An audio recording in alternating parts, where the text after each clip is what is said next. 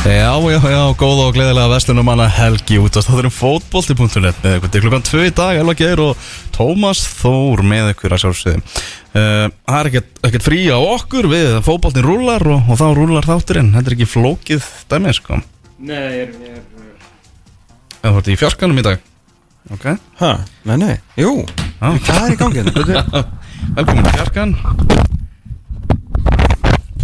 Settu mig í tristinn Fjarkin er svo ógeðslu, sko, það er ekki hægt að tala í þetta. Það er aldrei þrifið henni, sko. Nei, Við erum einhver tyggjó klessa eða hvað ég já, það er bara hugulegt, hugulegt í, í Já. fiskaburinu Jól, vetur, sumar, vor og haust, vestlunum helgi Alltaf verðum við mættir. Já, það er bara þannig. Það er bara, uh, Magnús Kjartan Eyjólfsson hérna, maðurinn sem að er að fara að flytja brekkusöngin í, í beinu streymi annað kvöld, hann var hérna í, í Bilgjastúdíónu hann uh, tók viðtöl í, í Pepsi-markunum á sínum tíma Já, eins og með margar aðrar svona íslenskar já, þjóðhetjur, bæði fyrirhandi, núverandi og verðandi eins og með Magnús Kjartan að það náttúrulega var hann svona eiginlega uppgötvaður, má eiginlega segja, svona af okkur, skilur Já, já. við. Við, höfum- við erum búin að vera á Magnús Kjartansvagnum sko, við keftum hlutabriði í honum fyrir svona tíu árum síðan, sko, Mhm. þegar hann var að, að taka viðtöl fyrir, fyrir stöðu sport og svona hitt og þetta, sko, hittum hann átt á Selfossi þegar að, hérna, Selfossingarnir voru nú upp í, upp í efstu dild hann, var að, lí- hann var að lýsa leikum líka á Sport TV og svona Já, með afskaplega þægilega rödd Mhm. og hérna kom síðan síðar í ljós að í einu, já, einu myndbandi sem var nú náð á honum á fótbolti.net að hann kunni nú eitthvað að syngja drengurinn þannig að kom kannski ekki óvart til að síðar kom í ljós að hann var nú forsöngari stuðlabansin sem er nú ein já, ég vissi það nú bara ekki alveg, þetta er nú bara einn vinstarasta hljómsveit á Íslandi sko. Já, svona rock solid hljómsveit sko. Já, þeir náttúrulega taka alla slagarna og þeir eru hérna Vill nú þannig til að, að hljóðmaður á Símirsport, hann fann að freyr, Mm. sonur uh, hans Magnúsar Lins á hérna, Selfossi, er með trommarn í stjólubandinu og hann er með ringdi mig í gær til að tilkynna með það að gæti nú þurft að kannski að vera með eitthvað backup núna þegar tímbil er að byrja, þar sem að þeir eru að spila allar helgar, allar. Þeir eru vinsalegir maður. Já, Já, þannig Eða þarna 2014, það var hann að býða til að taka viðtöl á- í Grafavói, Magnús Kjartan já, fyrir stöðu sport. Já, og hann var oft svona, þú veist, meðan hann var að býða til þjálfurinn í viðtöl, þá tók hann oft lægi, sko Já, ha? Já, og hann að Ég ég, ætlaði bara að gera þetta einu sinni. ég náði hérna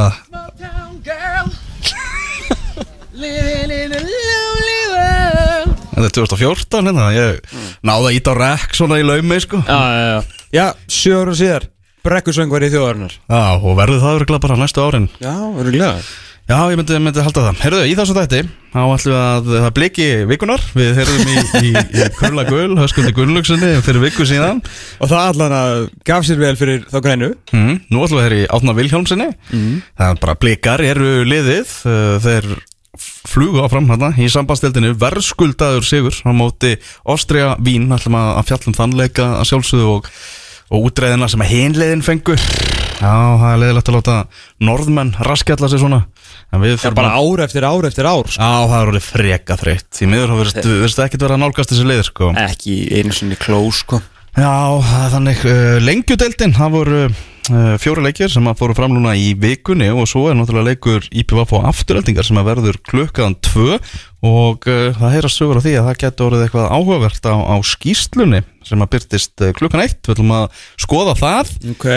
Þetta sá leikur bara fer fram núna í eigum klukkan tvö? Já, Svona á næstu þjóðin Ég sjá að þeir náttúrulega sjálfsögur voru byrjaðar að halda sin eigin þjóðatíð Þeir bara haldt sitt eigið partí í Vestmannum. Það sást nú á gramminu í gær hjá Já, einni ákveðni eiga drotningu Þannig að það heldur betur að að móka í sig hérna gleði og glensi í. Vestmannum helgina og hví ekki. Því ekki það, því ekki það. Þú maður skoða náttúrulega næstu leiki í Pepsi Max deildinni og svo ætlar eh, Þórir Hákonason að mæta hérna okkar sérfæðingur í, í pólitík fótboltans og, og fjármálum. Lít political analyst eins og við kjósum að kalla hann. Það er enginn sem veit meira en fótbolta Politíkin á þessu landi sem við þetta fyrirrandi framkvæmdastjóri knæspunni sambands Íslands svo tengdast í bransanum og hann alltaf kemur alltaf um Vestló Já, það er bara alveg hefð, það kemur Þetta þetta er svona okkar brekkusöngur til ykkar. Það er þegar Þór Hákonarsson mætir og aðeins útskýri fyrir okkur og ykkur Hlustendu góður landslæðið í eh, já, svona politíkin í því sem er að gerast á baku tjöldin Já, alltaf meðalans að ræðum peningana bak við sambandstildina, hvað blikar að fá og eh,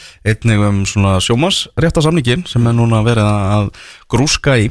Og af hverju er svona rosalega mikil peningur í sambandstildinni Já, það er nefnilega, stór spurning sko. Sem er vel, en samt svolítið skrítið, en gott. Já, hér er saga sem að eh, er orðin ansi hávær núna Mhm. uh, ekki fyrsta sinn sem þessi aðil er orðaður við, við þetta félag. Það hefur verið að, ég heyrði það frá góðumanni mm. í, þegar ég mætti í Kópáin á um, Evrópuleikin, sambandstildarleikin Já. á fymtæðin að hann sagði með bræðurum nýjasta sagan eða aðalsagan sem er núna í gangi FH er að reyna að fá ætlar að fá Arnar Gunnlaugs til að taka við liðinu. Já, Óli Jó náttúrulega samt bara út tímabilið. Emitt og einhvern veginn svona Er svona aðeins aðtóa hvernig er í pottin búið og hvort það vilji yfir höfuð vera áfram Já, og að- FH ætlar að keira það. Að reyna að fá Arnar Gunnlaugs til að taka við liðið, liðinu og, og, og Nikolai Hansen að reyna að fá hann bara með. Pakka til úr, úr fósvöðunum ég ætla að sko að þið lítist ekki vel á þessi, þessar hugmyndir að fanga Uh, jú, jú, ég meina, þú veist, ég verður ekkert eitthvað til að missa Arðan Gullusson og, og hérna heldur ekki, ekki Nikolai Hansen eins og hann er að uh, spila núna. Mm. Uh, það er svona, þú veist, það er margt í þessu. Þetta er náttúrulega, er, uh, þetta er mikil upp, hefði raun og verið fyrir, fyrir Viking. Ég meina, getur rétt ímyndaðar hvað fimmleikafélag Hafnarferða var langt, var ljósárum og undan Vikingi fyrir kannski svona þreymur árum síðan. uh, og nú eru þeir einhvern veginn komnir nær falli heldur en toppi og menn Vikingar búnir að vinna þá í byggaróstaleik eru, þú veist, í to topp árat í dildinni og fimmleikafélag Hafnarferða sem er búið að vinna þú veist, einhverja, þú veist, tíu titla frá því að þeir fóru á stað hérna 2004 er reyna að fá þjálfaran frá, frá Vikingi sko. þannig að þú veist, minna, bara ákveðin svona uh, svona viðurkenning frá FA að hérna Vikingar séu bara þá greinlega að gera betri hluti með betri þjálfara og betri já, leikmann allavega þarna í, í fremstu výlinu sem bara, er bara flott. Og svo náttúrulega annað í þessu að hérna uh, auðvitað getur það alveg gerst að, menn skipta um, hérna, skiptum lið en þetta er þið náttúrulega heldur betur áhugavert því að þetta er þið náttúrulega dýrustu bara vistaskipti í sögu íslenska fólkvallans mm. Jarnar Gunnarsson er náttúrulega á samningi Mm og hann er engin, engin klásula til þess að fara, hvorki eitt en eitt, það er ekki 15 daga gluggi í óttúber, þessi svo kallagi óuppsegjanlegi samningur. Og Nikola Hansen er nýbúin að semja til 2023 þannig að uh, ef að uh, Já, út tímabilið 23 já, Ok.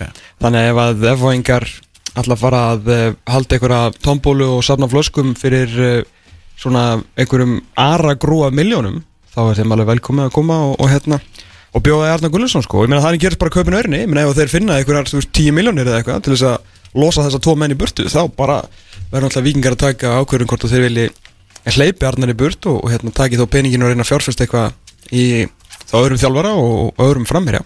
En þetta verða uh, þetta verða dýristu skipti í, í sögu íslenska bóltans ef þeir að fara þá tveir, það segir sér alveg sjálft menn þeir eru báðir á glæni um samningi sko. mm Þetta er helsta svona kjáttasagan sem er í, í gangi núna í en aðalega bara upphefð fyrir, fyrir vakjarna sko. Já, heldur betur. Þú veist alveg vel skiljanlegt að fæðingar horfið til Arnars Gunnlaugssonar sko.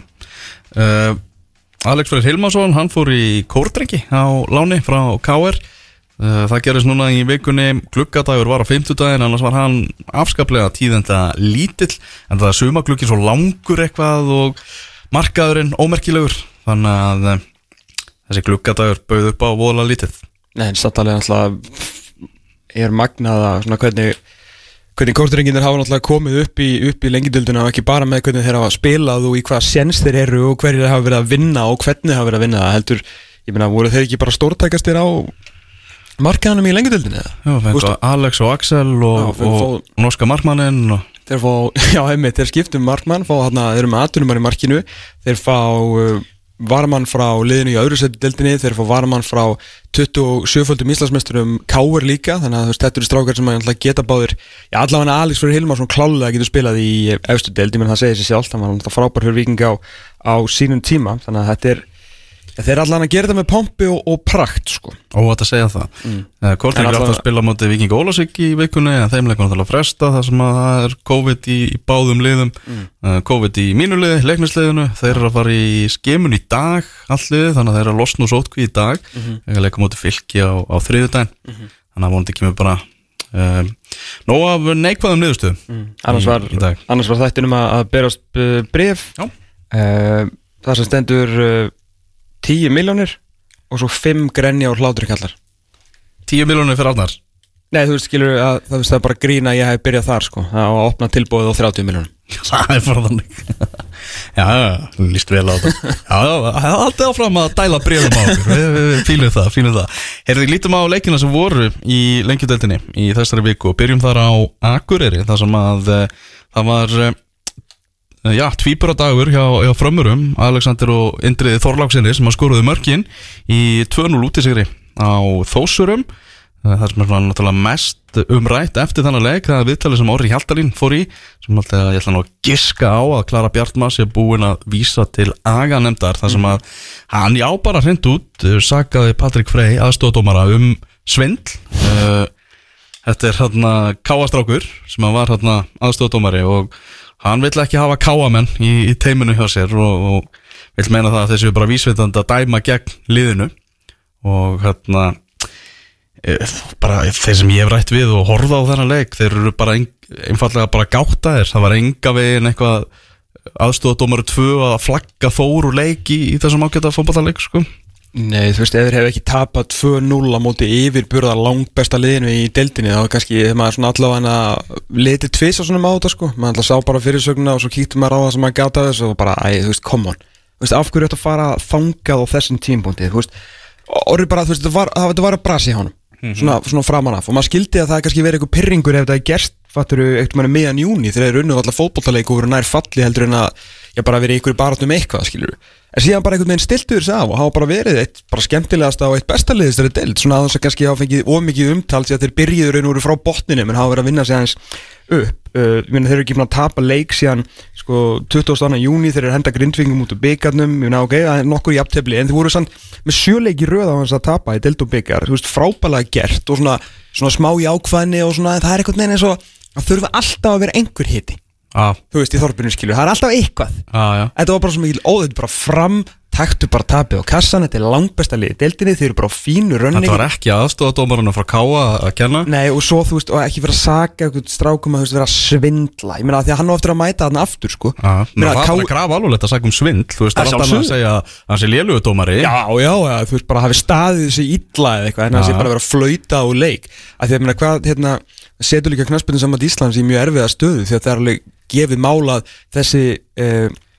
að að að að, að drengur, kilur hann á aftur að mæta aftur í þorpið. Staðin er bara þannig að KSI náttúrulega reddar dómurum tríói á hvern einasta fótballtaleik sem er spilaður undir sko þeirra merkjum. Og það er ekkit eðlilega mikið verkarinn að koma öll á stað. Og svo náttúrulega það líka að vera með X, þú ert að vera X góður til þess að geta flaggað í lengjudeldinni Mhm. og það er ekkit það margir um hituna þannig að það er ekki hægt að senda alltaf eitthvað tríó úr, bænum skilur Já, já, menna, þú veist, þú ert dómar á Akureyri þá þú náttúrulega bara að fá tækifæri líka til að dæma í þinni heima beigð bara, þú veist, Já, já. og ég meina þetta er aðstofdómar sem ég veit sem ætla sér bara langt í þessu, hann er mennaðafullur sko, þannig að og orðið talað um það að það myndi ekki gerast í Reykjavík, menna vilja alvar dæmir alveg valsleiki og þú veist það eru dómar frá IR sem að dæma hjá leikni og öfugt og allt það sko. Já, já, algjörlega sko. Það getur alveg að þetta gerist alveg algjörlega í Reykjavík líka? Svo sem er það halda allir Reykjavík með einhverjum, einhverjum liðum sko. Já, nákvæmlega. Sama hvort er að skrái sig síðan hér og þar ég menna annarkur ká, ég menna var ekki á tímbili eitthvað annarkur maður sem dæmdi káuringur þeir skráður sig eitthvað annað til þess að geta dæmdi á káur það helst að ekki að hafa verið að flauta á til Íslandsmyndstara til sko, Já. þeir voru bara bestir Orri skemmtilegu karakter í íslenska bóttanum þannig fór hann alveg vel yfir. Já líka ekki bara skemmtilega, hann er bara að gera vel. Já, já, fína hluti. þannig að Já. það er svo leiðilegt fyrir, fyrir þorparna að vera að taka fókusin af hvað Þór er bara að vera að gera góða hluti síðustu sex vikundar og nú er bara umtalið skilur bara að þeir eru bara eitthvað, eitthvað vælandi. Manstu, bara fyrra á tímabilinu þá var nú hérna leikmaður Þór sem að varði boltan með hendi á línu. Og þá var verið að tala um það að þar var dómarinn með flautuna maður sem er búsettu fyrir norðan sko. já, Og þá- nei, hann er F-fóðingur fyrir ekki. Já, hann er, já, F-fóðingur F-fóðingur, já Já, sem flutti norður. Já, sorry, sorry. Já, þannig að hann er hérna, þú veist Þannig að þá var umræðan í hinn áttina sko. Já. Þannig að þetta, er svolítið glerhús Við getum orðað þannig. Vissulega, en eins og góð maður uh, sagði þetta jafnast allt út á endanum. Já, nákvæmlega, gilum orðað á það. Er Jakob Snær Átnason, hann fór úr Þór í Káa Hann var alltaf áhugavert þegar uh, uh, Þórsarar fari við lækin og, og öfugt sko. Já, heldur betur, maður er svona eiginlega þetta er svona eiginlega eini rígurinn sem er eftir á landinu sko. Þannig að þetta er alltaf, þetta er alltaf skrítið. Já, þetta er- skytið Og hann verður vantilega í svona, myndi maður halda í svona skotplayer hlutverki hjá, hjá Káa-munum Er einhver svona alvöru og ég meina Háká Breiðablík er svona, er allt í Já, þeir, á eins svona kveikt í því aftur sko, að maður ánað með það. Mm En þú veist, Káa Þór er alvöru en nú er það bara er alltaf þessi gjá á milli liðana, þessi heila deild sko Er eitthvað, ég meina, leiknir í er það er alltaf nú mun á tveimur deildum á liðinu Já, já uh, þú veist, Káur Valur er ekki þú veist, þetta er ekki darbi, þetta er bara stórveldi skilur en þú veist, þetta er ekki Mhm. ég, ég líti ekkit á þetta sem eitthvað svona Var ekkert uh, yfir meðalagi af rauðum spjöldum Nei, nei, nei, þetta er bara geggjaður fótbollalegur alltaf, sko Já, akkurat sko. að, hérna, En svona, þá vantar alveg eitthvað svona alvöru darbi sem er spilað fyrir eitthvað oft þá kannski fyrir utan háka á breiðablík við kunnum þeim bestu þakkir fyrir að eiginlega Elli Helga sem svona kvitti almennið því með að sparka hann í Já, afturrendan og einum um daginn Það var komin deyfð í það Elli kvitti því með látum Nákvæmlega. Framarar uh, náttúrulega ennþá ósigraður og langbestalið deltarinnar, ekki meira um það að segja. Uh, Fjölnir vann 2-1 sigur á móti Grindavík í leik sem að ég fór á í, í gráðunum, í, í sól og blíðu mm. uh, og lág hafna í, í brekkunni og fylgdist með þessum leik þar sem að Já, var mjög áhugaverður leikur Marin og Axel Helgason fær raukt á 21. mínútu þar sem að já, Helgi Megal taldi að hann væri að ræna upplögðu marktækifæri ég bjóst við gulluspjaldið hana ég skal viðkjöna með svona smá brá þegar rauðaspjaldið fór á loft því mér fannst uh, Andri á, á Flandri ekki vera almenlega með kontróla á boltanum hann var svona, það var hásending sem kom að það inn fyrir og og, og já, þetta var vendipunktur leiksins rautspjald á loft, Bjósir Heiðars alls ekki sátur og veist, þetta var ekkert glórulegs mistök það eru alveg hægt að réttlæta eða þú veist, það getur útskýrt rauðaspjaldið mm -hmm. en ég, að mínum að ég hef átt að koma gullt þarna á loft mm -hmm. uh, Grindavík var víti eftir klukkustund, sigur hún Daði Markverður tekur Jósef Kristi niður og þar vil Bjössi fá rauðaspjaldið Helgi vil vantilega menna það að, að sigur hún hafi verið að reyna við boltan en þetta var bara gullt og viti og Grindavík tekur fórustuna uh, komnir yfir manni færri og þá fóruð þeir að liggja náttúrulega ósjálfrátt bara fóruð vel tilbaka og fjölnismenn nýttu það, gengur á lægið uh, Andra Flandri. Andri, Andri Freyr, hann skoraði glæsilegt mark uh, þessi strákur sem kom fyrir tímabilið. Um, það er, mar, er mörg í honum eins og hann við sínt í þessari deild en hins var ekki staðið undir vendingum í grafauðunum og eitthvað sögur um það að fjölinsmennum var jæfnvel bara bjóðan til annara félag Já, okay. en hann var heldur betur flottur í, í þessum leik og, og skoraði þannig að spurning hvort hann sé ekki bara komin í gang Kanski komið líka með smá þjónustu í Bakari Já, sem aðeins skoraði Sigur Markið þessi skemmti kraftur 70. annari mínútu þá skorar hann Sigur Markið og hann hefur heldur betur reynst fjölinsmennum guls í gildi bara þvíli kaup, skemmtilegur leikmaður sko mm -hmm sem er með, með, með flotta tækni og eh, já, maður svona einhvern veginn já, við, við gráðum þetta sem, sem panikaupp en, en þessi kaup á svo sannlega skila sér. Já, ég meina, þú veist, þeir eru búin að vinna þrjá síðustu fjóruleikjum en þú veist, þetta eru gegn Selfossi, Þrótti og Grindavík. Og Grindavík náttúrulega verður bara að tala um sem bara eitt af slakarlegum deildarna núna því að þeir náttúrulega vinna valla fókbóltaleik til þess að berga lífið sinni sko. þannig að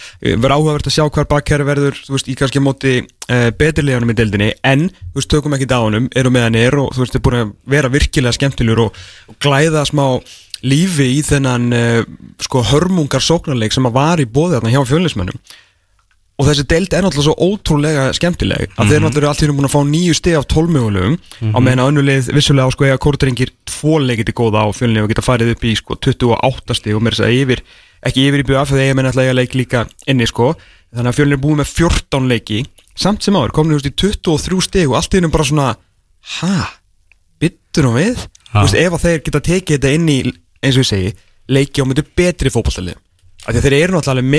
og ég allt til alls, mm. þeir eru með reynslu þeir eru með, þú veist, góða vörd fína mark, eða góða markmann uh, alla þessu ungu stráka, nú bakkari ef andri allar eiga betri, þú veist, setni hluta mm. fyrir hluta. Jóhann komin á flug Jóhann komin á flug, menn á eina, eina stóra ástæðanum fyrir því, eftir að við vorum svolítið leðilega við, hérna, Jóhann nú leitn okkar mm -hmm. að, þú veist, eina stóra ástæðanum fyrir því að fjölnir allt í húnum komin bara í mixið, er hann -hmm. hann, þeir hafa haldið, þú veist, varnarleiknum eru skipilaðir, en þú veist, Jóhann nú leitn í kannski bland við Bakari hafa svona aðeins kveikt neistan sko, sem er náttúrulega hrigalega flott og gerir náttúrulega þess, ekki toppbaráttu þess að annarsættisbaráttu eh, skemmtilega skemmtilega aftur sko, en ég menna ég sá ekki fyrir mitt litla líf bara fyrir nokkru vikur síðan að bara fjölunni væri búið að vinna sjö fókbóltalegi og komið í barátunum að fara upp aftur sko. Já, nokkulega uh, Björns Reðars talaði um það að þeir hefðu verið 10 á móti 14 bara talaði um það að dómaratnir hefðu bara verið með fjölinsmönnum í liði í, í þessum legg Það er eins og allveg stökka viðtöl sko, bara svona grín viðtöl eftir fjóruðvölda líki sko. sko, Ég get alveg skilið það, þú veist þessir, þessi tvö atvik eru mjög svona vafasögum mm. þessi, þessi tvö atvik og mjög erfitt að fá niðurstöðu eitthvað veginn í, í, þú veist, þegar maður skoðar þetta þá er maður eitthvað veginn ekki viss, skilur í báðum tilfellum sko. mm -hmm. þannig að þetta er mjög, mjög erfitt erfiðar ákvarðanir sem Helgi Mikkel þurft að taka þarna en Sigurbjörn Reyðarsson var að taka þátt í svona ekki, ekki undir 1000 fótballtaleikjum frá því að hann hófmestrar fór ferðileg sko, Ah. pluss þjálfun og eitthvað. Og sétt heppen sko. Já, já, veist, þeir voru ekkert með fjölun í liði tómarannir en þarna, þú veist, Ístök já, já, og bara náttúrulega þungt að, þungt að kynkja því að, að Grindavík sé bara hætt að vinna fótballtalegi Já, það er náttúrulega, þetta er bara farið hjá þeim að því að þeir voru búnir með hérna, hvað var þetta mörg jættibli í röð, þeir töpuð hann í byggarnum, svo voru þeir búin að gera fimm jættibli í röð, árun eru raskjeltar hann í setni hálfleiknum á múti IBVF og tapa núna fyrir fjölin neðan, eru búin að tapa tveimur leikjum í röð gegn liðum sem að já, þeir svona, já, ætla að vera í, í baróttinu við með 20 steg eftir 14 leiki og allt hérna fjölnir bara, þú veist, ég ætla ekki að segja stingað af en komið þrem stegum á undæðum og kordringir, þú veist, ef þeir fá fjögur stig af sex að ég meina þá var náttúrulega Grindavík algjörlega át þú veist, Grindavík er farið úr þessari bartu þú veist, það er bara þannig sem að er náttúrulega ekki smá mikil vombriði fyrir Grindavík því að þetta er vel mannað fótballtæli sko. Já, voru að fá sér bandarískan varnamann núna bara í vikunni mm -hmm. Þannig að spurning hvort að það sé þá bara óþarfa kaup því að sjansið sé farin sko. Ég ekki nema að hann sé bara komin til að vera og það sé góð leikmaður en, en Góður í yngkostum víst, það var sagt hann þegar hann var kynntur. Nú já, já, það er nokkuð gott fyrir törnana þarna.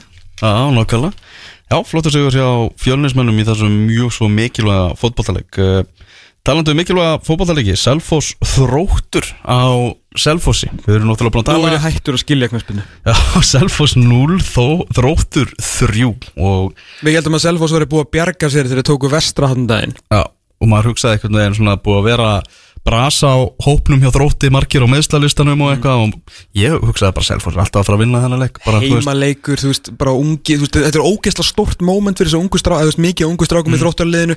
veist, Mm. þetta er bara leikur, ég meina Selfoss að í raun bara þurft að halda þeim frá sér með jættefli skilju, það hefur bara verið hjúts að halda þeim, auðvitað vilt, viltu vinna hennar leik og þá var bara þróttu fallin Mm. en jættefli hefur bara náð að halda þeim skilju svona, uh, bara svona armslengt frá sér Mhm. og það var einhvern veginn allt sem að sagði mann, þú veist, þeir eru með Gary Martin, þú veist, þeir eru með reynslu mikla menn hann, þú ert á heimavalli, það eru bara einhverju krakkar en the kids are all right, sko. Já, frábær úslit fyrir, fyrir deildina. Uh, Laugin náttúrulega ekki með þróttarliðinu Hann smitaðist af, af veirunni. Já, Þannig að hann er bara í einangrun. Þannig að það voru hérna Janni og, og Sam Hjússon Við, við stjórnvölin Og uh, Kairó, hann skoraði Fyrsta markið í leiknum Komin úr meðslum og það er afskaplega mikilvægt Fyrir þróttara, það eru mikil gæði í þessum Þessum leikmanni, hann er kannski ekki svona Sá duglegasti í, í boltanum En það er ekkert margir sem að hlaupa hraðar en hann, sko, Nei, hann er- því líkus hraði í þessu leikmanni, sko. Nákvæmlega.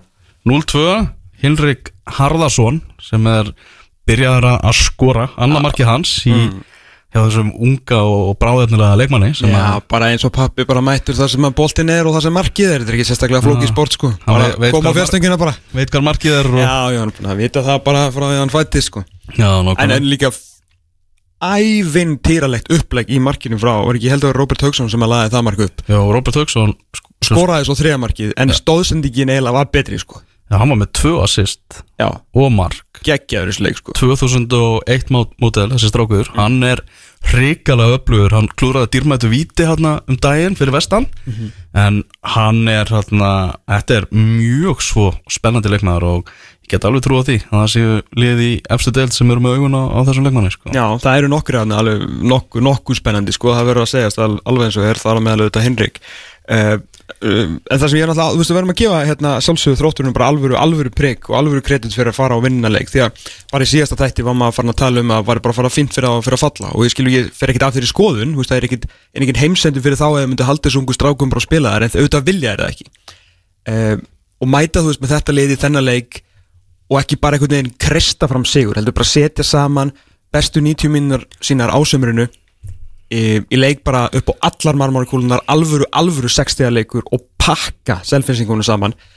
Ekki vera, þú veist, þegar eitthvað- svona, það er allir að tala illa um þrótt. Mhm. kallaði project nothing, bara, þú veist ég að tala um að bara sé fínt vera að fara að falla við erum alltaf á bakinaðum fyrir, þú veist, hvernig átt, hvernig getur við verið með liði hjarta lögadals, bara nærði að falla úr einn lengjudeldinni heldur en ekki, skilu, þú, þetta á ekki að vera hægt. Nei, nei, þetta er bara Þetta á ekki að vera hægt. Þetta er ógislega lélegt, já ógeðslega lélegt en, skilur ekki vera væla farið bara að gera þetta Mhm. og þið þurfa að vinna fleiri fótballtaleiki þannig að þetta er leiðin sko. mm eins og þú veist, þetta er flott hjá þrótti þá er þetta bara herfilegt Ömurlegt. hjá selfisingum hvað er í gangi hann? Já, ég talaði nú við selfisingar mitt í gær sem var bara, þú veist hann var í sjokki, bara mikið stuðnismæður liðsins og bara, þú veist, hann er nánast bara að undirbúa hérna, bara fall hann skilur ekki neitt. Og bara viðkendi sjálfur þetta væri bara rándýr fókbaltalið þannig til að hérna gera, ég meina það eru alveg dýraliði deildinni, en með við þrótt og afturheldingu og Ólásvík að það held ég sé alveg töluveri munur á, á budgetunni hann að vera með, sko, vera prókur að hafi hjá uh,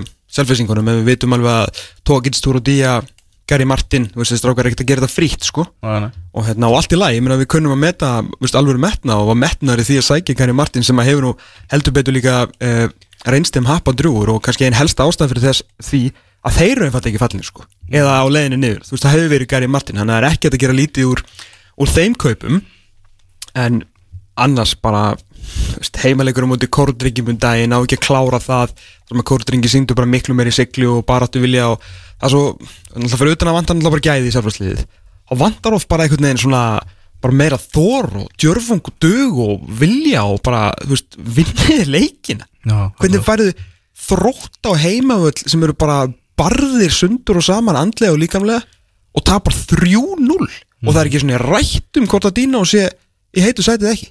Nei, nákvæmlega. Borgar hann með sér þarna?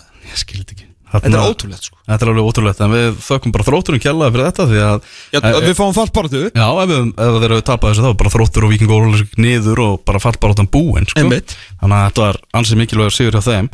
Það var leikur fyrir vestan, það var líf og fjör, vestri fjögur gróta þrjú Það sem að allt fór bara í háa loft eftir að það kom hérna raukt spjald á vestra í leiknum Það fóru bara mörkin að, mörkunum að regna inn í á, á síðustu mínútonum Endað með því að uh, þetta var bara Pétur kegg Pétri, Pétur Bjarnason með þrennu og uh, Pétur Theodor Átnarsson tvö. Já. Það var hérna, er Pétur slagurinn. Ég er hrifin af, af Pétri Bjarnarssoni sem, sem leikmanni, þetta er fló, flottu leikmaður. Uh, Var svolítið á bekknum í, í byrjun. Uh, Það var túfa upp á topp Mhm. og Pétur Bjarnarsson á, bekknum. Mér finnst einhvern veginn svona þegar þú ert með veist, liðið út á landi, þetta er bara mín skoðun. Og ert með leikmann eins og Pétur Bjarnarsson þú veist, hann á bara að vera fyrstur á blað. Ætti að vera að spila á heimamönnum sem eru nægilega góðir klárlega til að vera í liðinu sko. Allavega kannski að finna einhverja stöðu fyrir hann sko. Alltaf var já, vissulega á hann ekkert að eiga sætið skilur hann þarf náttúrulega að leggja sér fram og allt það sko. En má kannski, þú veist, veði á hann. Já, algjörlega. Skil hvað allavega fara. Já, en hann var, já, er bara hrikalega öflugur leikmaður og ég bara, og hefur verið það lengi fyrir, fyrir vestraliði sko. Algjörlega, algjörlega. Uh, En Túfa náttúrulega meittist þannig að það gera verkum að, að hann fekk hérna tækifæri Það er líka, þú veist, hann líka greip það, skilur Já, já. Hvað er, þú veist, hvað er grótt að fara að gera bara út tímabilið núna? Er það bara, Að Svo eru þeir, þeir komnir einhvern veginn í mixi fyrir einhverju þreimurum fyrir síðan, sko. Þú veist, maður veit ekki neitt uh, Nei, nei, þeir bara sigla bara svona líkna að sjóa á endanum og verða bara þú veist, eina sem að maður að fylgjast með hjá gróttu það er hvað Pétur Theodor er að fara að skora mikið, sko. Já, þú veist, og það skiptir alltaf engum máli að því hann er hvort sem er að fara. Já, Hvað fattur þau þannig? það er bara hvað hann klárar tímabilið Já, hvort mörg- hann á einhverju markamöndi Það er komið 16 mörg, sko. Já, hann geta alveg Vitu hvað markamöndi er í næsta delt? Nei, við þurfum að fara að grúska í því, sko. Það var það þegar Viktor Jóns og, og hérna var ekki Björgi Stefáns líka þau eru báður að klukka á 20 markin sko. Mm ég man ekki hvort að hvort að hötti magg eigi það jafnvel Við þurfum að fara að grafa þetta upp. Sumalið átna setti eitthvað mann 25 eða eitthvað sko. En ef að einhver veit þetta endilega senda okkur skilabóð hérna með markakongi þar. Mm. Segir bara setjum vestra hvernig litasamsetningin er hjá þeim núna í síðustu fimm leikjum hjá um, á KSI.is það er rauð, já það er græn, rauður, græn, rauður, græn veist, þetta er bara vestri. Já, þetta er bara upp og niður. Já, já, já, já. En samt 2022 stig og ég veit að þeir eru náttúrulega svektir en, en þú ert bara ekki að fara í baráttu á móti IPVF með skiluru menn sem að kunna á þess að deild, kunna á íslenska veist, með Eida Aron, Guðan Pittur og allt þetta. Uh, fjölnir sömulegis með strákar sem eru að spila hérna, þú veist, unga strákar sem eru samt komnir yfir kannski 50 leikja við Íslandsmóti kórdrengi með alla þá reynslu sem að þeir eru líka þannig að þú mæti með svona fjölþjóðasveit eins og, eins og vestrið, þú veist, þú getur ekki farið í baráttu við þetta, þú veist, það er bara þeir eru nokkri góðir, nokkri ágætir, nokkri svona ne og bara, þú veist, svona samsetting af fótballtalegi virkar ekki þegar eru þú veist, fjögur til fimmli í deildinni sem eru bara byggð svona upp eins og liði eru byggð upp sem fara upp úr þessa deild. Mm Þú veist, ég bara, ég sé þetta bara ekki alveg virka fyrir vestra sko. Algjörlega. Förum aðeins í lengjadöldina aftur og eftir uh, þegar skíslan kemur úr vestmanniðum þar sem ég byrja að fá afturreldingar að fara að mætast klukkan 2 en við ætlum að fara að ringja í blika vikunar Átna Viljámsson því að Breiðablik komst áfram í sambandstildinni unnu frábæra sigur hann á móti Óstriða Vín á Kópahúsvelli 2-1, þetta einmi bara stóðskemmtilegt og blikarnir búin að fá verðskulda lof stóðskemmtilegir í gegnum þessa tvo leiki. Og er að fara að mæta núna þínum önum vikingum á frítegi vestlunum hann var flítleiknum, hann var á mánudaginn. Mm -hmm. Þannig að og svo á fymtudaginn þá er bara fyrirleikurinn á móti Aberdeen frá Skotlandi í næstu umferð þeir eru tveimur einvíum frá riðlakjapni sambandstildarinnar það væri helvita skemmtilegt að fá blikana í, í, í, í riðil sko. Úf, það er rosalegt sko. það er rosalegt, það ringja, ringja í átna en þetta afreg bara blika, Thomas bara allt, allt kredit á og líka að svara alltaf fyrir þetta tap í Keflavík sem var svo sem búið að útskýra með því að hérna, þú veist, þeir áttu alltaf bara að skora fleiri mörg, þú veist, áttu ef að hefðu og allt það, en þeir alltaf fengu heldur betur færin setri Kristján Frábæri í, í, í markinu og svona, þú veist Óskar Hafbjörn svona bent á það auðvitað í þessu fræga viðtali að það mætti ekki lofa og lasta leikstílinn á sama tíma, en þeir fóru huragýr inn í hennar leik og gerðu það sem þeir gera á unnan mm -hmm. 2-1 sigur þar sem að Kristi Stendósson og Átni Viljársson skoruðu mörkin og bæði mörkin alveg stórglæsleg Ég heldur betur og bara já, heldur betur að Átni Viljársson sælablaðsæður Herðu, hvernig er lífið að leika við ykkur blika svona í ljósi frábæra sárangur í, í sambásteldinu og til ham ekki meina sigur á, á 15 Já, takk fyrir það. Jú, það er bara við erum, erum brattir eins og þér. Já, þetta var leikur á mánudaginn Jú, jú, kannski, þú veist Þetta er svo ólengjum við það Nei, nákvæmlega. En svona, svona aðeins að bara aðeins leiki Þið komið inn með svona fljúandi starti Var, hérna, þú veist, var það alltaf svona uppleiki að bara svona að keira á þetta eða bara þróaðast leikurinn hann Já, í rauninni, ég gerði það í fyrirleiknum líka. Einmitt. Það virkaði bara heldur vel þar og, og hérna Já, það ákveðum að það beiti ekkit úr, úr, úr því sem við erum góðir bara að keira á það og, og, og hérna en að byggja vona þar sem við gerum í fyrirleiknum og það er eins og, og státt að geta það heldur vel í fyrirleik en, en ég veit ekki, einhvern veginn setna við þá það breytist oft þegar maður er komin í í, í 2-0 og það fann maður einhvern veginn ósað átt að, að hérna falla tilbaka og ég veit ekki, að skýsum tilning þáttu vorum ekki svona að reyna en, en, en hérna er því að þú vorum nú bara að gera það sem er góður í og, og allt betra en að gera það á móti góðum liðum. Einmitt.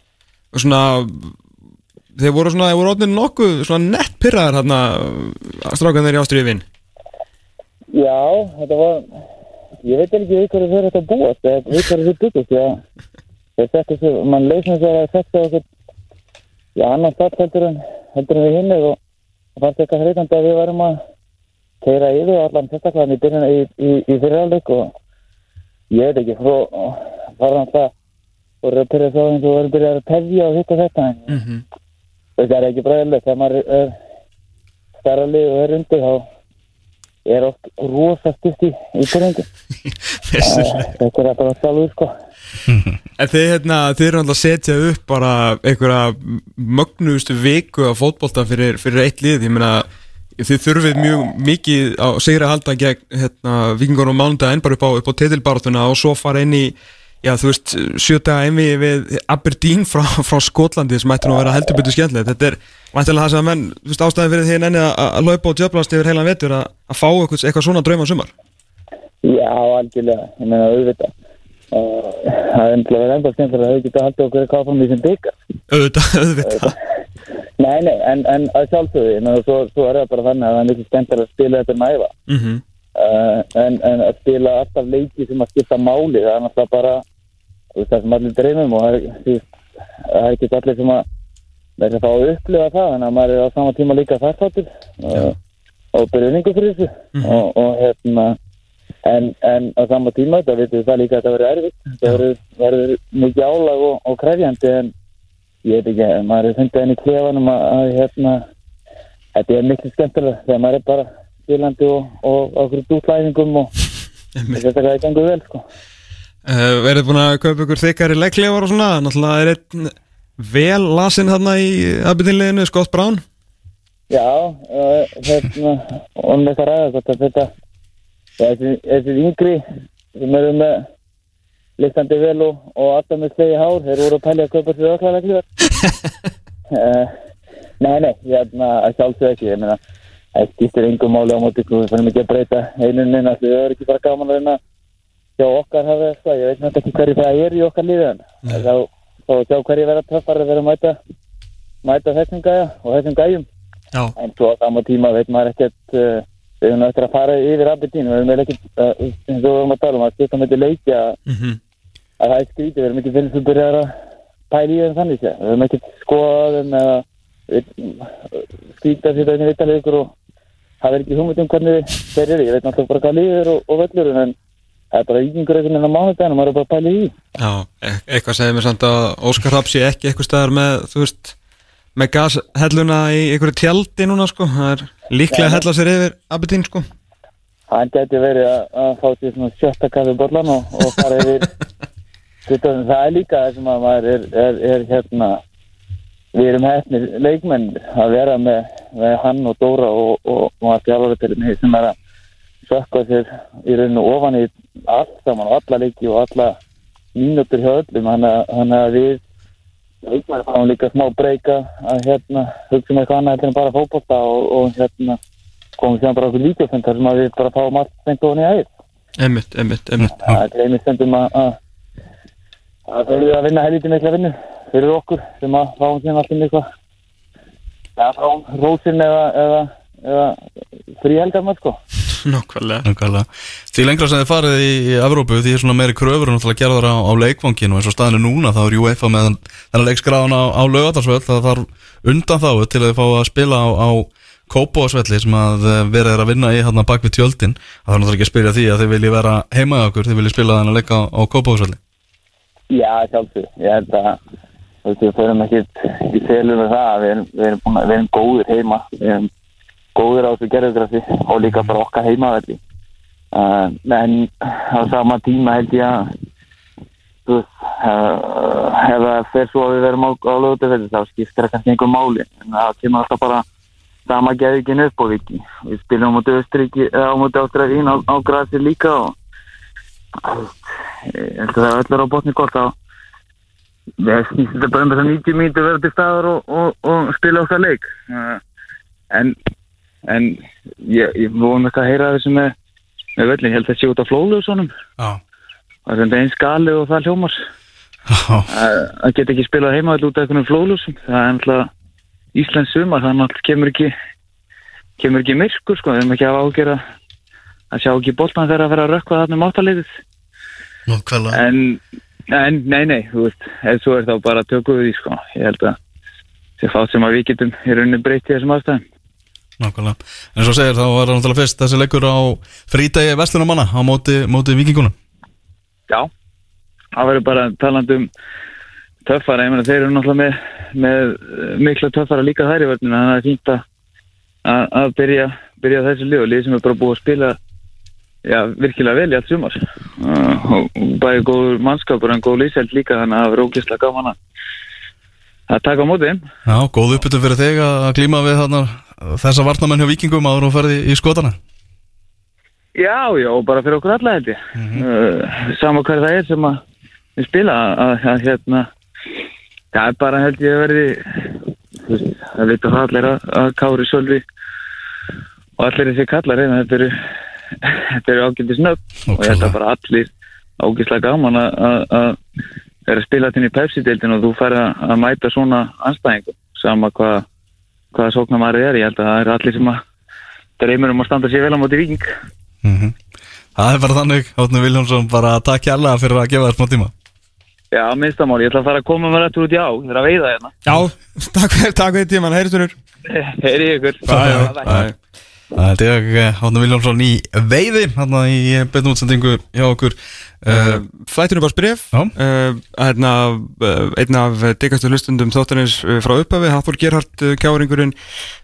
Geðu, náttúrulega bendir á Viktor Jónsson 22 mörg uh, fyrir þrótt Það vorum að tala um markametið Markamiti í næst eftir deild En ég náði að googla hérna Twitter umröðu mikill að sé sérfræðinga Gulla Jóns, Yngvi Þór Sæmundsson og fleiri. Og Yngvi á hérna fann link á magnaða síðu þar sem að þeir eru allir eh, sko það var einhver Tryggvi Gunnarsson sem skoraði 25 mörg mann eh, sem var eitthvað ekki, eða 26 mörg sem var ekki eitthvað tekið með af því að skallagrimi og vikið og keppni og eitthvað, þetta er eitthvað aðeins svo mikið sögulegt fyrir mig. Örn Óskarsson í IBF 1976, 25 mark og ég held að það sé þó gildandi með þetta í næsta eftir deild og það var í allavega tíulega deild, kannski áttalega með það ekki alveg. Uh, Hafleið Pétursson, Víkingur Páll Ólafsson Þróttur uh, 71 og 77 Hötti Magg, FH 2000 og Sumalið Átnarsson Víkingur uh, 2000 skoruðu báðir, þetta er allt strákar sem skoruðu 20 mark en, en náttúrulega Viktor er þá í öðru sæti með, nei, í öðru sæti með 22 og kannski svona efstur ef að segja nútíðan fólkta þannig. Já, já, segjum það bara. Þeir eru á þessi sigur hjá, hjá blikunum á, á 50 daginn Já, uh, Þetta, bara ég horfði á báðaleikina og fór á, fór á setnileikin Ógeðslega skemmtilegt inn við og bara langsamar yfir séð svona eða bara maður var alltaf eftir að sé Íslandsliði svona í þessum ham í, í Evrópu einvið nei, nei. En maður náttúrulega sko maður veit náttúrulega ekki alveg hver Ástriða vín stendur í dag þú veist, því við erum búin að hrósa það svo mikið. Við tölum líka aðeins kannski bara um, um svona raunveruleikan Já. að Ástriða vín náttúrulega tvisvar í röð í austurískudeldinni búið að lenda fyrir neða meðadeld og komast inn í þessi Európa-keppni tvisvar í röð með, með því að vinna í raun og veru bara öll lélegu liðin í deildinni. En þú veist, þetta er samt miklu stærri og sterkari og dýrari heldur en breyðablík þannig ég er alls ekki að taka neitt af árangunum. Ég bara, kannski það sem maður vil benda á er að þú þarf náttúrulega líka eins og ég var að tellja upp þetta í síðasta þetta hvað þarf að falla með þér skilur, það er markvörun þarf að eiga superdag eins og Antonin í Östuríki, þú mátt ekki gera mistök reyndar máttu blíkandi gera ein mistök þú veist, þeim var ekki refsað meiri það fyrir þarna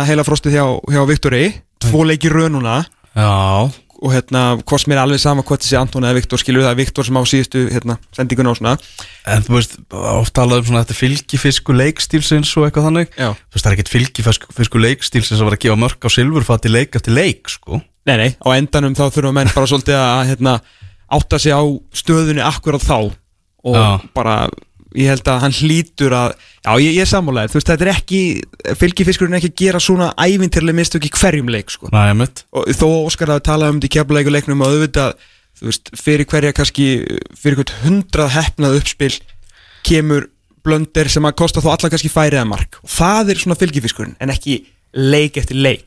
Já. ég, með, ég með þér þar sko. Já, að hérna, eins og ég segi, þú veist, þú ætti náttúrulega líka að vera uh, breyðablík bótu. Ég held, ég er nokkuð viss um það að bótu sé alveg, eh, bara alveg frekar mikið betra fótballtali heldur en Ástriða vín í dag. Þrátt fyrir að norska deildin sé nýju sætum neðar heldur en austuríska en þá erum við að tala um samt lið sem er undir meðalagi síðustu tvö ár og búin að tapa fyrsta leik núna. Við veitum alltaf ekki hvað er standi í dag skilur ég er ekki búin að kynna mér bara hverju og kiftu allt það hérna, en eins og segja, þetta er alltaf læg skilur. Ég ekki að setja á niður, bara þarft að vera svolítið heppur með drátt. Þú fær náttúrulega þarna austurískt lið sem er einhvern veginn í uppbyggingu í smá lægð. Eh, auðvitað þeir á prísísunni og blikarnir að hérna uh, á, á high season sko. Þannig að eh, ég hérna þetta Aberdeen dæmi verður, verður líka mjög áhugavert. Ég meina þeir geta alveg farið gegnum Aberdeen sko. Já, Vist, þetta er engin, engin töframenn og þeir eru líka á prísíson sko. Mm þannig að þetta er alveg dauða færi til þess að gera held að skoska til þess að byrja í dag bara. Já, já ok, þannig að þeir eru svona aðeins komnir inn í þetta mm -hmm. þannig að þetta verður klálega, klálega mjög erfitt en það er alveg ljóst að ég held að það sé orðið alveg morgunljóst að við höfum ekkert í bestu liðin í Noregi að gera sko. Veistu hvað Óskar Þorvaldsson er að fara að gera klukkan 2 á morgun? Svona tvö á morgun? Og um, allavega að sé að fara að horfa á Aberdeen Celtic? Aberdeen Dundee. Dundee, já já. Já, ég, ég lofa þér, hann verður að horfa á hann sko. það er alveg klást mál. Hann er örgulega að horfa á æfingarleikinu þeirra núna sko. Já, nokkulega En heldur þú, þú veist, hérna, þetta er náttúrulega mesta þú, veist, þú getur ekki gefið gáðulegt svara því að þú veist, ég er bara búið til hypothetical fyrir þig. Mm. Heldur þú að breyðablika hefði unnið bót og glimt í dag? Þau eru klálega að gefa þeim betra eimi Já, það er alveg klárt mál. Það var hundlega að sjá hvað þetta var fyrir hafna lítið hjá norsku liðunum á móti Val og FH sko. Svo mátti ég gleyma því að við sendum náttúrulega tvö lið í Evrópu í ár sem náttúrulega bara eru sögulega léleg. Fyrir skilur sinn háa mælikvara sem er náttúrulega FH og hérna stjarnan. Já, þannig að við það er ekki eins og við vorum að senda kannski friskustu og ferskustu og bestu liðin okkar nema þá þetta val sem er á toppnum sem að fór heldur betur ítla út og sinna við gegn bótu og hérna áttur náttúrulega aldrei breyk í Dynamo Zagreb. Þáttur að sendu, settum alltaf þetta upp skilur við hetilega framistuðar og kannski bara svona eitthvað, eitthvað besta sem verður síðan allan hérna í setni hálfleiknum í fyrirleiknum. Þetta verður, þetta verður mjög áhugavert sko. er vita, ef að fara aftur í svona gott út vitum við hvernig þeir mæta í umspilinu? Er það sér dráttur eða? Það sé dráttur eitthvað Já, hann á eftir, á eftir að draga það. Wow. Það væri rosalegt að komast með En þér þetta er svona drátturinn sem maður er búin að vera að tala um að vera svo, þú veist, ok, þú kannski ekki heppin að mæta Aberdeen, þú veist, það sem þeir eru góðir. En eins og ég er alltaf að tala með mína menn í dútilangi og svona, skilur, vera að fá þessi óvæntu lið líka mm -hmm. að þú veist, ef þeir hefur verið að fá, þú veist, eitthvað frá, þú veist, Armeníu eða eitthvað þannig þannig að við verðum að fá smá hefni í þetta, sko. mm Ég og Benni við spáðum blikum áfram á móti Óstríða Vín. Já, ég líka. Já, og hendum F.A. Val heim þannig að Það var nú ísi Já, það var ísi Þannig að þetta að- rættist ef við ekki bara spá blikum sigri hér svo MV á móti Aberdeen. Ef við ekki bara taka nú er gleðin. Jú. Byrjar heim með úti? Byrja heima. Ú. Spurning hvort það verði eins og ég segi á Ljóðardalsvelli eða Kópavóksvelli það er alltaf, alltaf verið að spara taka aðeins ódýrar í kostin þannig að Ok, ég verða við ekki hérna, ég datta aðeins út út af bref hérna, ég var að leita markaskorunum á hann. Já. Getur þú endur tekið það fyrir mig? Með völlin já, b- bara flóðljósin Já. er ekki nægilega góð. Á kópásvelli Já. Ég skilji þau standast ekki kröfur í þessu, þessu rándi. Ah. Það er eiginlega bara það sem er stóramálið sko. Það vil ekki bara mæti haminguna Ég meina, liða á íslenskum vegum hefur ekki tapað þar bara síðan að íslensku landsliði vinna alltaf, sko. Sta, standast uh, ljósin þar kröfur eða? Ég myndi það, bara tekkja á því. Ég er nefnilega ekki viss um það. Mér minnir að það í undir 21 áslandsleikjunum þá hafi þurft að spila fyrr um Það daginn eru þeir bara eitthvað í hátteginu já, mér minnir það nefnilega. Það er Það er alltaf verið að spara, taka aðeins ódýrari gerða flóðljósum. Já, svo gerist eitthvað svona. Já, svo gerist eitthvað svona Þá veist þeir að þá það að er- að Það er bara allt annað dæmi Þeir eru að fara af Kópavóksvelli sínum, úr sínum klefa Aha. úr sínu undirlægi Aha og yfir á, á þú veist, lögadagsvöll þar sem að 700 manns bara gjössalega tínast í stúkunni og, Og grasvöllur og sko. grasvöllur sem er stóra dæmið. Er er Petri með gras eða gerfigas? Hvernig er staðin skotlandin dag? Ég veit það ekki, þeir eru nú komnir eitthvað á, á gerðugras Svona aðeins, en Petri kannski aðeins og aðeins og stór Já, uh, Fyrir hérna Þess að þú veist, það er náttúrulega ekki Það eru einhverju peningar að baka þetta Aberdeen dæmi og svona Þannig að þeir Væntalega bara með uh, alvöru menn að sjá um þetta sko. Já það er vantilega þannig sko. Jú, þetta er, þetta er gras. Þetta er gras. Þeir eru með gras. Og náttúrulega Kári Átnánsson Náttúrulega góðsögnu lifanda lífi á Aberdeen Glemmu því ekki. Já, nokkulega, hvað, fimm íslendingar sem hafa spilað þarna fyrir aðalið Mhm. og Gunni Einars, já, fyrir uh, var og unglingalið á sínu tíma. Það er svolítið Já, já. já, já, já. Það er svolítið, þannig að það er það er stuðið í þessum Já, en ætlaðu að tala eitthvað meira um Val og FA Þetta var bara óþægilegt Já, það er leiðilegt að tala um það. Þú veist, FA áttu náttúrulega bara ekki Þú veist, maður var ekki svona pælið þeim á móti Rosenborg bara því að þeir eru lélegir núna, skilur Já, Fattur, þú veist, FA í, í fyrir kannski 2-3 árum eða 4-5 árum, bara allt annan dæmi. Mm. þannig að það var svona svolítið óvinnandi vegur. Eh, samanskapin alltaf bótur hreikilega gott liðin. Við erum að senda, þú veist, Íslandsmystara 34 ára og, og lang eh, dýrasta og, og ríkasta klubbin skilur um með landsliðsmenn í, í, hérna í liðinu, sko. Og leikmenn þetta er náttúrulega bara Atunumenn Atunumenn bara bjuggu á svæðinu og borðuðu hátegismatin á valsvæðinu í vetur og svona. Það var náttúrulega með Evrópu í huga. Já, og átti ekki séns bara í mínútur, sko. Já, það er, það er svona vítið til varnar en, auðvitað, og náttúrulega að þú eru út Íslandsmystari þá ertu náttúrulega í þessu Champions path þannig að það verður alltaf þú getur verið óheppin en þú getur líka verið mjög heppin sko.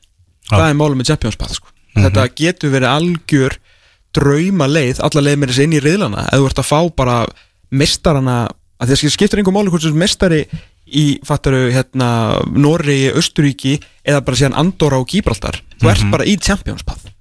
Mhm. þannig að ef þau mætast eitthvað svona tvö milligólið eða slagt og milligótt og slakaliði vinnur, þú veist þá að það komið áfram. Og þá, þú veist, og púlíðan sem að þú getur mætt í Champions Path er náttúrulega miklu minni heldur en sít drátturinn, sko þess vegna eru all þessi lið, þessi óvæntu lið að komast inn í Európa-deildar hérna, og hafa verið að komast inn í Európa-deildar hérna riðlana í gegnum Champions Path Mhm. En þegar við heldum semst að það væri raun og verið að minka möguleika okkur, okkar á að komast inn í riðlakefni Európa-deildarinnar þar sem að le- leiðin var lengri þar sem við náttúrulega föttum ekki var náttúrulega Íslandsmeistararnir geta farið ánga gegnum Champions ef þeir eru hefni sko. Nú, eða bara blikar er bara blikar Svo bara vonandi þá býður svo umræða betri tíma hvar blikar alltaf sann að spila ef þau komast í riðlakefna Já, ekki að parken bara? Já, bara parken eða þórsvelli. Þór, ó, Alltaf Þórsvelli. En maður klukkutíma flug bara mikið, mikið stemming. Já, kósi bara. Já, heyrðu það var hérna, ég var að lesa um það í, í færiskum fjölmiðlum í, í morgun Já, að kvennalið HB uh, þarf að leika næstu þrjá heimalegi sína Mm. Við baku luktar dyr án áhörunda og fá sekt þarna upp á 10.001 danska krónu. Ok. Því að þarna það var einhver áhörandi sem að var með rasisma. Nei. Jú. það var þarna það var bara kynþáttafórtumar í, í færiska boltanum, í færisku kvennatildinni Ég held að þóldu bara ekki samkynna Ég þess ekki að var líka þarna. Það var einhver einn þarna sem að einhver þarna sem að Úlfur í söða geru sem sem að var þarna með rasisma e, í garð leikmanns hjá Klaksvík KÍ Já, en vel gert hjá þeim bara að taka svona strax á þessu. En 10.001, hvað var það? Ég veit ekki alveg hvað það er. Ætlaði að vera svona til að tryggja að þetta verið stærst á sektin í sögun eða? 10.001 króna. Já. Það er norðurlýsið sem að, sem að greinir frá þessu. Já, það er svona eitt af því hérna, sem að KSC er mitt gert vel. Þeir eru að teki mjög stránt til dæmis á þessu sko. Já, en það á að gera Það. Það sjálfsög, en þú veist bara og gaman að sjá færingandi gera þetta líka. Já, nákvæmlega. Er ég var að horfa á þarna uh, gamlan leik á YouTube eða eitthvað úr íslenska bóttanum Þannig að mannstu það dómararnir voru í þarna uh, utan yfir gala sem að upp, uppbytunargalinn hjá þeim? Já, og stóð á bakinu við tippum? Já Því vil að það fyndi eitthvað, það var eitthvað í kringum aldamótin sko. Bara á hverjum einasta dómara já. stóð við tippum Já, ég hef búin að tippa hérna á heimasigur Káir Já, og ég er að dæma þennan leik. Já, þetta var svona, þetta var þegar heimurinn var aðeins saklusveri heldur en er í dag. Já, hún veit að segja það. Heyrðu, Þór Hákunarsson kemur til okkar eftir augna bleik ætlum að ræða þessum peningamál í boltanum. Svo ætlum við eh, einnig að skoða hvernig skýslan er hjá IPVF og afturhaldingu það eru einhverju leikmenn í báðum liðum sem er í sótkví í þeimleik uh, eru leikurinn á mándaginn mm -hmm. vestunumanna helgar leikurinn. Já, uh, breyðablik uh, vikingur já, sem að ég hefði viljað sjá reyndar bara klukkan þrjú um daginn. Að miklu fyrr. Já, hann er 1915 skráður um, Vantar náttúrulega Nikolai Hansen í liði vikinga hann að taka út leikbann. Mm -hmm. hvernig líst vikinglum á það? Að vera að fara að spila mútið blikum án Nikolai án allra markana sinna. Já, uh, augljóslega illa. Mm. uh, síða á svipnum maður. Já, nei, nei, ég hérna, auðvitað, ég bara um leið að hann fekk þetta gulaspjald þarna móti, móti stjórnunni sem var, var hérna verulega svona óþarfi en, það er svo sem ekki hægt að getur ekki tekið Nikolai, skilur Nikolai úr Nikolai, menn hann gerir allt bara á 110% og, og ég elska hann meiri segja árun að byrja að skora, sko, af því að hann gerði allt á 110, Mhm. þannig að það var alltaf það var alltaf gefið að Nikolai Hansen myndi taka út eitt uh, leikbann. Uh, kannski hefði mátt vera á móti ykkur öðrum heldur en heldur en breyðabliki, þar sem hann hefur líka verið svolítið yfir við kólan á, á móti þeim. En, hérna, en af því sögðu þá skoruðu vikingarnir þrjú þegar pökkuðu breyðabliki saman síðast og eh, Nikolai Hansen skoraði ekki eitt af þeim mörgum en hann er búin að skora næstu því öll síðan sko. Þetta verður, verður í meira lagi frólætt og engin leikmaður kom, engin hérna, styrking, þannig að ekki eru kannski vikingarnir já hvað að segja, á svona allan að með allan einum svona góðum kalli, að allan verið líklegri til, jafnvel til þess að berjast um Íslandsmeistartillin aðeins, aðeins lengur en þetta verður þetta verður stort á mándaginn þetta verður stórt fyrir deildina. er ekki Káur Valur í umfyrir líka? Hann er er líka að kíkja bara aðeins á hvaða leikir eru framöndan í Pepsi Max stildinum dreifist á mánudag, þriðjudag miðvíkudag við erum að tala um uh, breðablik vikingur á mánudag. Á þriðjudag er K.A. Keflavík á Greifavellinum fylgir leiknir á, í Árbanum. Og svo á miðvíkudaginn er Stjartanía FHK og jú Valur Káur Já, það er líka stort fyrir toppárðuna að Káringarnir þurfi vel að vinna val þar til þess að búa til. Þá verður fjör á fróni þarna á toppnum sko. Þetta er frábær Pepsi Max vika Já, þarna. mjög góð Gott. Að dreifi sér líka þegar maður er búin að fá lítið. Já, að fá svona nokkra dagiröð já, nákvæmlega. Mjög næs. Heldur betur, við skuldum nóg af auglýsingum. Við þurfum að fara að borga okkar skuldir. Já, fljúum hérna inn í setni klukkutíman í Vesturumanna helgar þætti fótbolta.net hér á X977 nú er með klukkutími í leik IPVF og afturöldingar sem átt að vera þjóðháttíðar leikurinn en það er engin þjóðháttíð að þessu sinni en það verður vonandi góð stemming á leiknum en Já, skýslan er eh, komin, Haldur Páll snýr aftur í markið hjá IPVF hann var fjarrri góðu gamni í síðasta leik. Eður Aron, hann er eh, sem fór meittur á vell í síðasta leik hann er einnig í uh, byrjunarliðinu. En uh, já, vantar uh, vantar Sító í liði hjá IPVF sínist mér. Og uh, stóru frétnar í svo er er að Bjarni Ólafur Eiríksson er á skýslu hjá IPVF Gauði liðs í banni.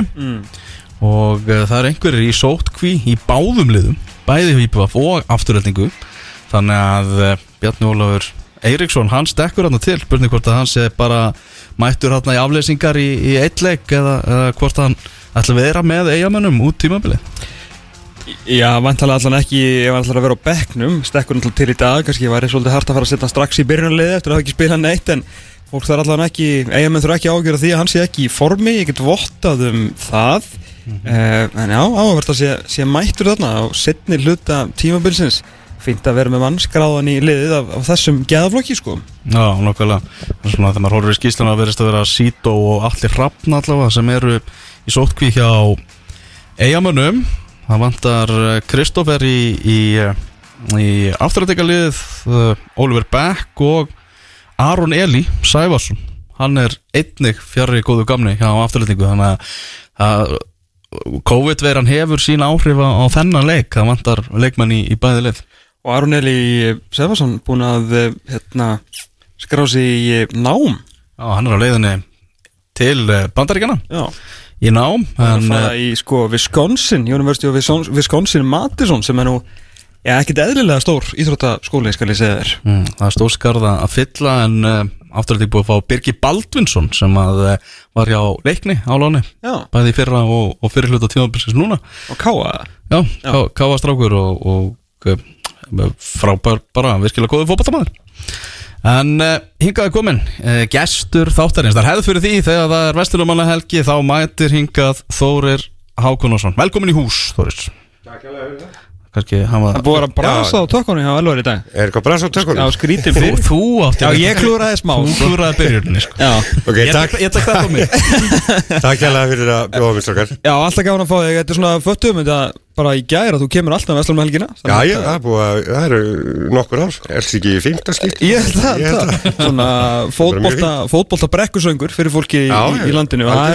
alltaf eitthvað að gerast á, á, svona, á bakvitsjöldin ekki á vellurum sem við náttúrulega fyrir löngunum byrjar að, að ræða hér og auðvitað, með þér og er, hvað er á að byrja þetta? Ég segi að við byrjum á, á nýju keppninni sem hefur svo sannlega sleið rækilega í gegn. Og svo eftir því er tekið um það tala já, nákvæmlega. Bara sambandstildin sett á lakirnar af UEFA og uh, bara þvílík byrjun á þessari keppni. Við erum að tala um það að Óskar Rapp Þorvaldsson er líklega besti þjálfar í sögu sambandstildarinnar Ég held að sé ótt að fullera það. Elvar, Elvar slengti sá mig í gær þegar við vorum að, hérna, sleikja sóluna í, í miðbænum og, og ná okkur vantarlega í COVID ætlaði ekki ská að hérna, það eru 360 mínútur búinir í sambandseldinni Já, Óskar Hafn er búin að þú veist taka svona eitt svona, þú veist, það er, það er comeback í fyrsta leik hérna á móti Luxemburgurinn á móti. Já, já.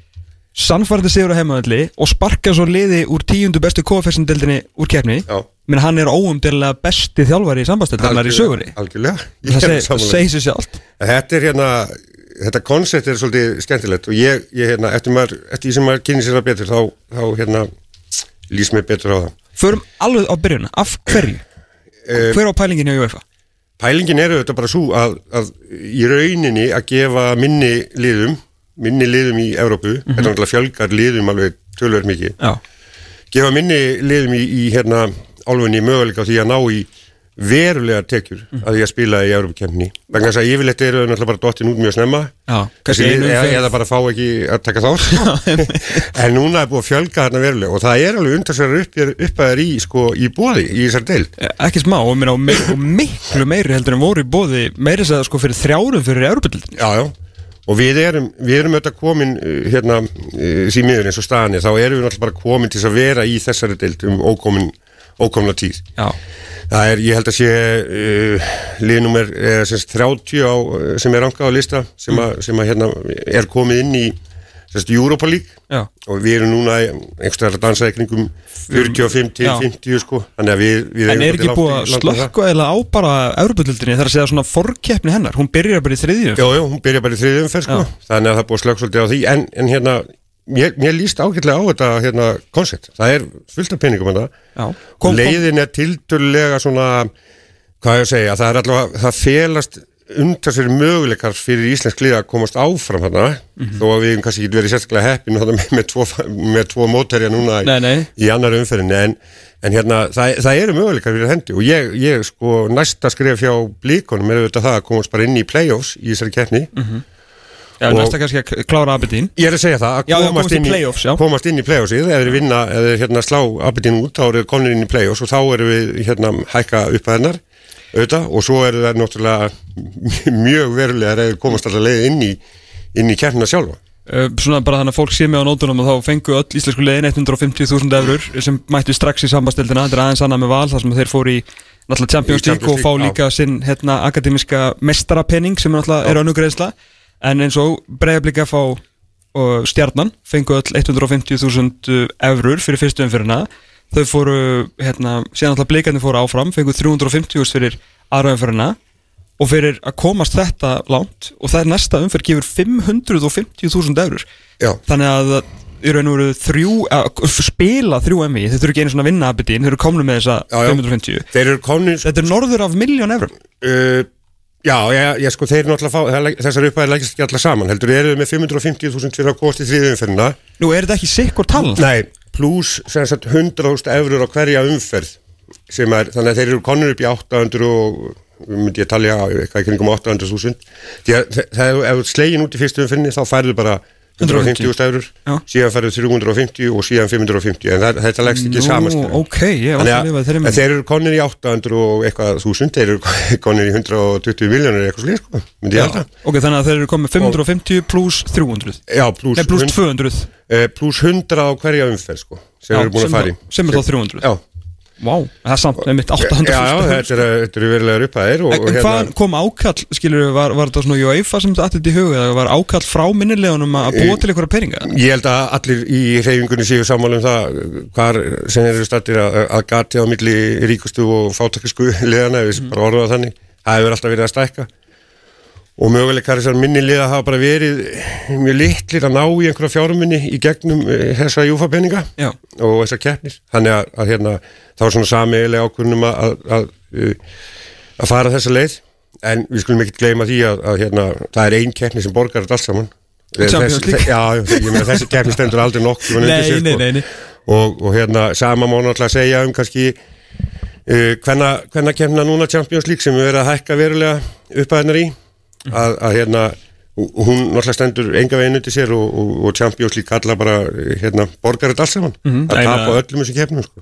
Ég segi já, en þetta er ekki bara besta máli, menn að jú, nógu það til að dreifa að nóg til að dreifa og, og hérna það var, það var í fyrst skipt í sögunni var gert sérstætt samkomlega við, við hérna Eurósku klúbana, toppklúbana um að þeir myndi taka þátt í, í kostnaði við bæði við kvennakeppnina og þessa keppni. Ok, ok.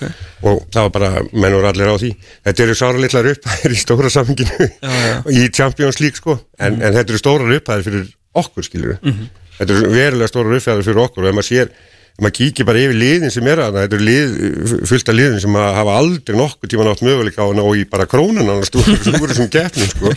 Þannig að Þetta opnar ákveðna möguleika og ég, ég hérna, eftir því sem ég kynni mér þetta betur þá uh, lýst mér bara eiginlega betur og betur á þetta. og fleiri einvið náttúrulega fyrir okkur að að sjá og skrifum og, og möguleikar á, ferðalögum náttúrulega kannski þegar heimurinn lagfærist, þú veist, afturfattur að hérna, að fara eitthvað og hérna, taka smá svona Európusumar og Já. er reikalega skemmtilegt, sko Já, já. en seg, segðu mér eitt, að alltaf, ég veit ekki okkur ekki lunga fann að spyrja þessu uh, segjum bara að blika fái bara eina miljón evra, það skiptir, svo skiptir yngum mál bara þessi peningur, Já.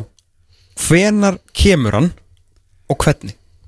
Peningurinn kemur bara uh, húst, nokkrum vikum mánuðum setna sko. Já, veist, að því að einhvern tímann Æ. heyrðum maður að þetta væri alveg heyru ári síðar Nei, nei, nei, þetta, nei, ég held að þetta komi nú bara, uh, mér minnir þetta sé bara greitt um hausti, ég man ekki betur, en, e, já, ég veit ekki hver þetta leir um heiti, er bara- er bara ég bara man ekki, en, en sko, þetta var alltaf þannig, nú veit ég ekki hvernig fyrirkomulega er nákvæmlega núna, en þetta var þannig, að þess að greiðslu fór í gegnum knaspinu En ég, ég held bara að, hérna, og ég held reyndar að það sé þannig ennþá. Eh, Þetta UEFA fer leggur Já, þetta fer bara þar í, í gegn sko. Og þarf að borga skatta þessu? Og, Það það held ég alveg ekki sko. Nei. Ok. Þannig þetta er bara er þetta er, já, þetta er bara hreinu tekjur. Ég, sko, það er, það er hérna ef, ef maður kíkir yfir sagt svona, Evrópu almennt hvernig tekjuskipting liðana er almennt, þá eru við með heildartekjur af tekjur liði í eftirdelt þarna eru svona á bílinu 25 til 30% tekjur frá Júfa. Ok. Og, og það er svona um, það er svona í samræmi við það sem að er kannski nei, ég, þetta er mér. Það er ekki með svona 15% og það er í samræmi við það sem það er annars staðan Norrlundunum Ok stóri munurinn á okkur og, og öðrum, öðrum hérna uh, orðum, öðrum Norðurlöndum og svona nágranna sjóðum okkar er sá að við erum að fá sáraliti fyrir réttindin okkar. Já, já. Og það er vonandi að breytast núna með, með nýjum sjóarsættasamningum og, og vonandi nýjum uh, markasréttindasamningum og nafnarétti og öllu því.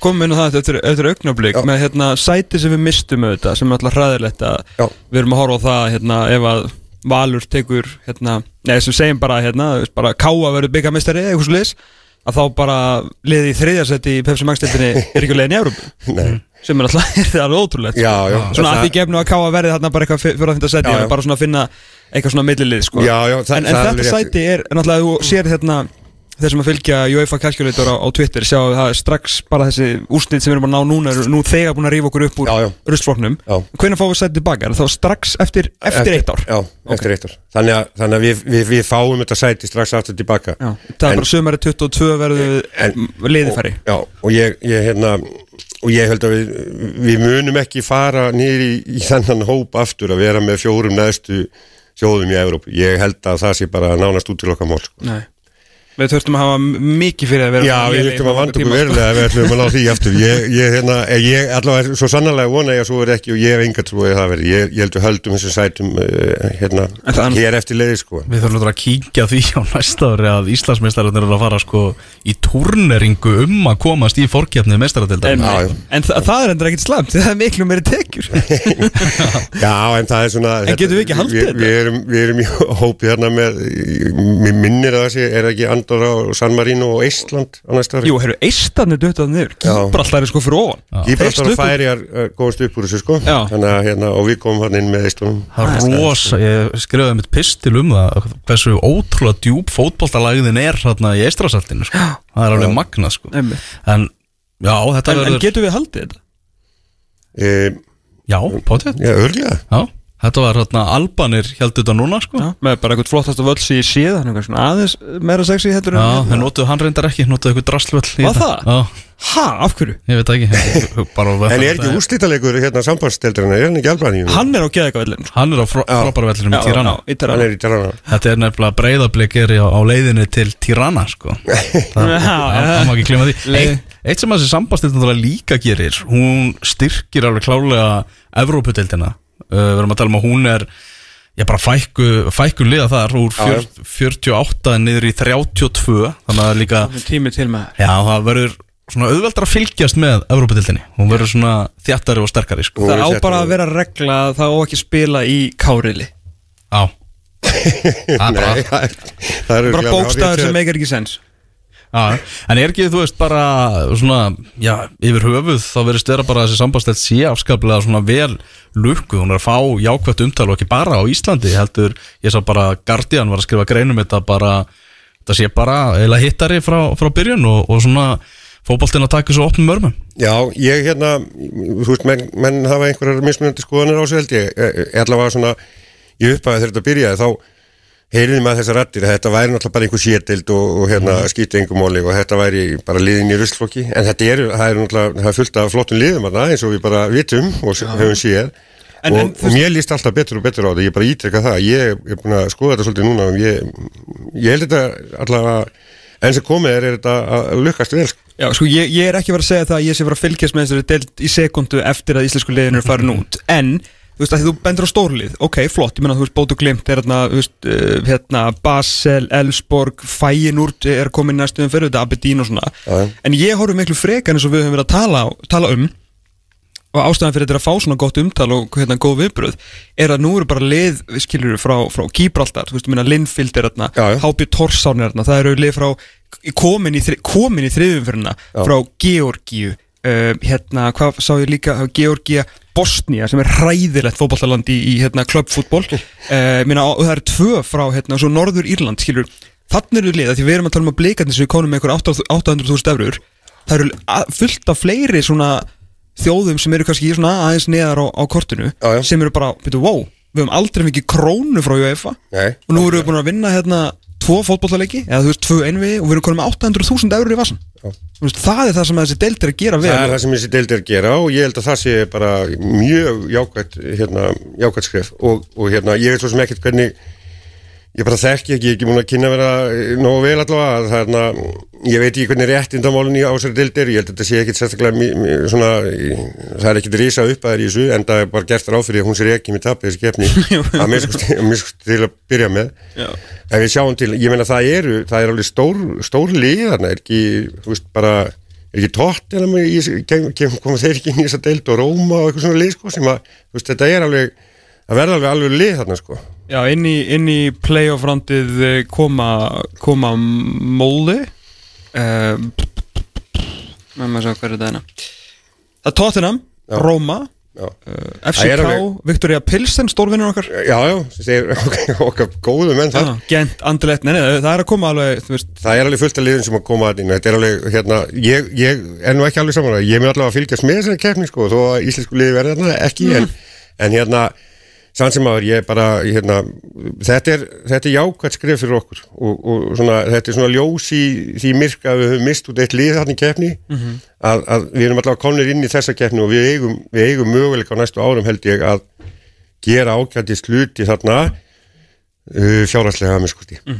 Þú myndist á náttúrulega þess að þetta tekið dreifingu á þann og þetta eru þetta stóri peningar en þetta eru peningar sem að ég bara fáur útvaldir fá, það eru svona cirka bót alltaf sömu liðin hérna og það eru fleiri lið í íslenska boltanum sem að þurfa á, á tekjum að halda og eitt stóru, eitt stæðstir hluti þess og þú myndist á, á uh, Þóra Hákunar svo fyrirhandi frangastur í KSI sem situr hér með okkur á lögadegi Vestlurumannar Helgi er þetta sjónvarsetta samningurinn. Já. Árin 6, þessi langi samningur uh, sem að 365 þá sín nú gerði við uh, KSI á sínum tíma, eða Sport 5 feltir reyndar, uh, ef maður rétt uh, hann er búinn, en fótboltin verður aftur, Íslaki bolti verður áfram heima á, á sín á stöðu sport, Já. fjör ára samningur núna uh, menn bara verður nokkur lukkulegir með hérna það eru fjárhæðir sem eru í bóði náttúrulega stittri samningur, liðin sáttu ekki? Jú, ég held að, ég held að hafi verið hérna jákvæmskrif, það voru þetta efansendar áttir um það svo summa á sínum tíma þegar hérna var ákveðið að, að hérna, þessi réttindi myndu færast alfæri yfir til e, hvað ég að segja, deildana eða ITF myndu sem að seldi þetta núna. Já, sem að fara þá með þessi réttindi auðvitað í samráði við hérna KSI og með aðstof frá knarspunnsambandinu það eru uh, það er svona know-how, það er þekking þar inni sem að hjálpar auðvitað til í þessu. Uh, bæði Steppi Gunnars og Ómar Smára og fleiri sem að koma að þessu. En, en ég held að það hafi verið jákvæmt að fara þetta skref og ég, ég hérna uh, ég, mér sýnist allavega mér, ég, ég var á fundi hjá ITF um daginn þar sem að var svona lítilega verið að, að, að kynna þetta og, og hérna mér sýnist uh, sem svo að uh, já, ég vil bara viðkynna það, mér finnst þetta að vera lengra á veg komið heldur en að ég, ég þorði að vona. Hvað meinarðu? Uh, ég, ég, ég meina það bara, mér sýnist sjónvarsættarsamningarnir vera í höfn og þeir eru að gefa svona í óstaðfestum tölum allavega undarsett betri heldartekjur heldur en síðasti samningur gerði varandi sjónvarpi og þá, þá á eftir að selja nafnaréttin og, og, öll önnur markasendi og það er verið að bróta þetta svolítið upp núna þannig að markasendi eru öll seld svona í sikkur Já. um, jafnvel streymi veðmála síður og, og svo framvegs og ég held að það hefur verið gæfusbúra að, að fara í þá vegferð og, og þeir sem að, að þessu ko hafa komið eiga hefur skilinni allavega eins og staðan í dag þá líst mér mjög á þetta. Og ég held að, ég held að hérna, með verið að gera þessi grein fyrir því að þetta, þetta á eftir að hafa verulega áhrif fyrir uh, bara íslenska fótbolta á næstu árum. Þeir eru byrjaðar að stíga uh, þessi skref og þetta á eftir að skila okkur undarsett meiri tekjum heldur en hinga til. Þannig að fjör ára sjónvarsrettur er í höfn og en samt bara hann í byli Já. uh, og þess að já, fjör ára sjónvarsrettur fyrir deildirnar síðan alltaf vantala uh, þurfum ég og Elvar í, í samstarfi við Íslenska ríkið að borga ITF eitthvað fyrir byggarinn Já, ég, ég held að byggarinn hef ekki verið inn í Nei, þú veist, Rúf tók hann sko. Já, já, Rúf tók hann. Þannig að það eru vantilega Já, meiri peningu þar. Já, já, bara ég af því að þetta skipti út í Já, pakka já, ég held að sem að allavega uh, það sem var nefnt á þessum fundudaginn það, ég held að það hafa nú verið saman tekið skilur Já, bæði, já, ok, bæði, ok. bæði rú og, og, og sín sko. Ég skilji, það var ekki, ekki skipti upp. En, en það sem er náttúrulega hvað nýtt í þessu Við erum á leiðinu vantilega í eitthvað svona streymisveitu Erlendis, ísla, íslenska Já. deildin sem að Já, gera það verkum að þú ert bara já, búsettur úti þá getur bara keft þessa streymisveitu og náðu öllum leikjum sem að síndir eru Já, já, í alveg útsendingu Er, er það að fara að gerast? Já, sko, ég, já, ég held að það sé, það sé nú hérna, uh, þú hefur að vissu leiti geta gert það að einhver leiti, sko. En, en það hefur allt verið, verið selt í gegnum sama samningi. Núna á sem þetta splittis upp og þetta verið selt sér. En hver á að veist, sjá um það og reyka? Það er þá bara eitt uh, fyrirtæki, streymisfyrirtæki sem kaupir allar réttindi, öllu réttindin, væntanlega. Ég held að það sé búið að bjóða þetta út, ég veit ekkert hvernig niðurstaðan í því verður. En, En þurfa þú ekki að kaupa það af stundu sport sem er náttúrulega framlega leikina? uh, já, þeir þurfa væntanlega að kaupa framlýsluna aðeins, sko. Já, en já. þeir þurfa ekki að kaupa réttindin, þeir borga þau sér. Skilji og, og hérna þetta var auðvitað þannig að, að hérna, uh, sín var að selja þessi réttindi mm áttu bara og seldi réttindi nú á framleysluna á leikjónum Já. til einhverja fyrirtækja einhver staðar og við svona sem vitum ekki nákvæmlega hvaða upphæður voru þær í gangi. Það, það var engin ástæða til að, að, upplýsa neitt sérstaklega um það en, en hérna, þetta er allavega búið út núna og við fáum þó eitthvað raunverið fyrir það. En það er fullt af öðru réttindum sem að ég sé uh, fyrir mér að við höfum ekki verið að fá greitt fyrir sem að við þurfum að fara að, að huga miklu betur að eins og bara hérna ja, það er allur til dæmis bara myndaréttur. Það, það hafa verið gefnar út hérna einhverja fótboltamyndir af, af öllu liðunum í eftir deild og það er bara einhver engaðali sem hefur verið að sjá um það. Mm Mhm. Íslensk fótbolti hefur ekkert fengið út úr þessu.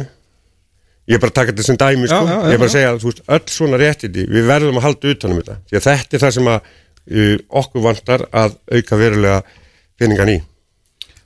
Ok, en hvað eins og með hérna með markasréttindin, ég meina þið, það er ITF sem að hefur þá hag- hagað þeim eða félögin eða? Það er, það er auðvitað bara félög félögin, já. Og okay. ég, ég veit ekki hvernig þetta verður sett upp hjá þeim. Ég, ég ætla er búið að taka ákvörnum hvort að, að því að draumurum var alltaf að þetta myndi bara heita úrvalsteld og þá væri þá bara fjórir megasponsorar, is, skilur, 34 skilur ekki kannski heilmálu Er það ennþá stefnan? Þa, það er ennþá stefnan. Síðast til ég vissi þá var, þá var það hérna ennþá stefnan og ég held að það sé eina vitið í, í þessu í dag. Að það, það er að selja þetta með þeim hætti að það kom einhverju fleiri fyrirtæki að þessu. Því að sko eitt af því sem er gríðarlega mikilvægt í sögla og svona réttundum það er að búa til eitthvað brand og, og það gengur ekkit fyrir okkur að brandi heiti eitt árið uh, landsbankin og svo hitt árið Pepsi og svo Pepsi Max og svo bara eitthvað. Við verðum að búa til eitthvað brand í kringum þetta og það hefur okkur ekki tekist á undanförnum árum.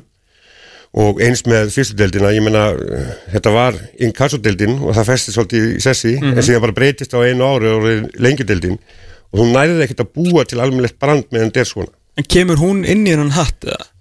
uh, lengjudeildin Já, Þú veist, þegar þeir, mun hún bara fara aftur í gamla góða fyrstdeldina? ég, ég, ég held að, að það sé ætlun að hafa að fyrstdeildi sé hann inni Já, ok bæði kalla og kvenna, en hvort þetta verður selt í sikkur lægi skilur, það, það bara veit ég ekki ég veit að, að hérna, það voru alveg hugmyndur um að, að selja kallaboltan sér og kvenna sér og, og fyrstdeildina sér og, og, og eftirdeildina sér sko, þannig að veist, það er allir, allar útgáðu til á því, varandi markasendin sko. En núna skilur þú veist, þeir sem eiga svona eiga, ég veit ég veit ekki alveg hvort það sé KSI eða, eða Ölgerinn sem á að auglýsa þessa deild, kannski báður. Uh, hérna, veist Já, ég, kannski, hvor, hvor ætti að gera það? Ég með það er ein auglýsing í gangi frá, frá Ölgerinni, Já, that's it. Og svo Já. náttúrulega hennar sívinsælu hérna, Facebook síður fyrir hvert leik já, já ég, það er það sem ég er að segja. Við, okkur hefur ekki tekist að búa til alvöru brand.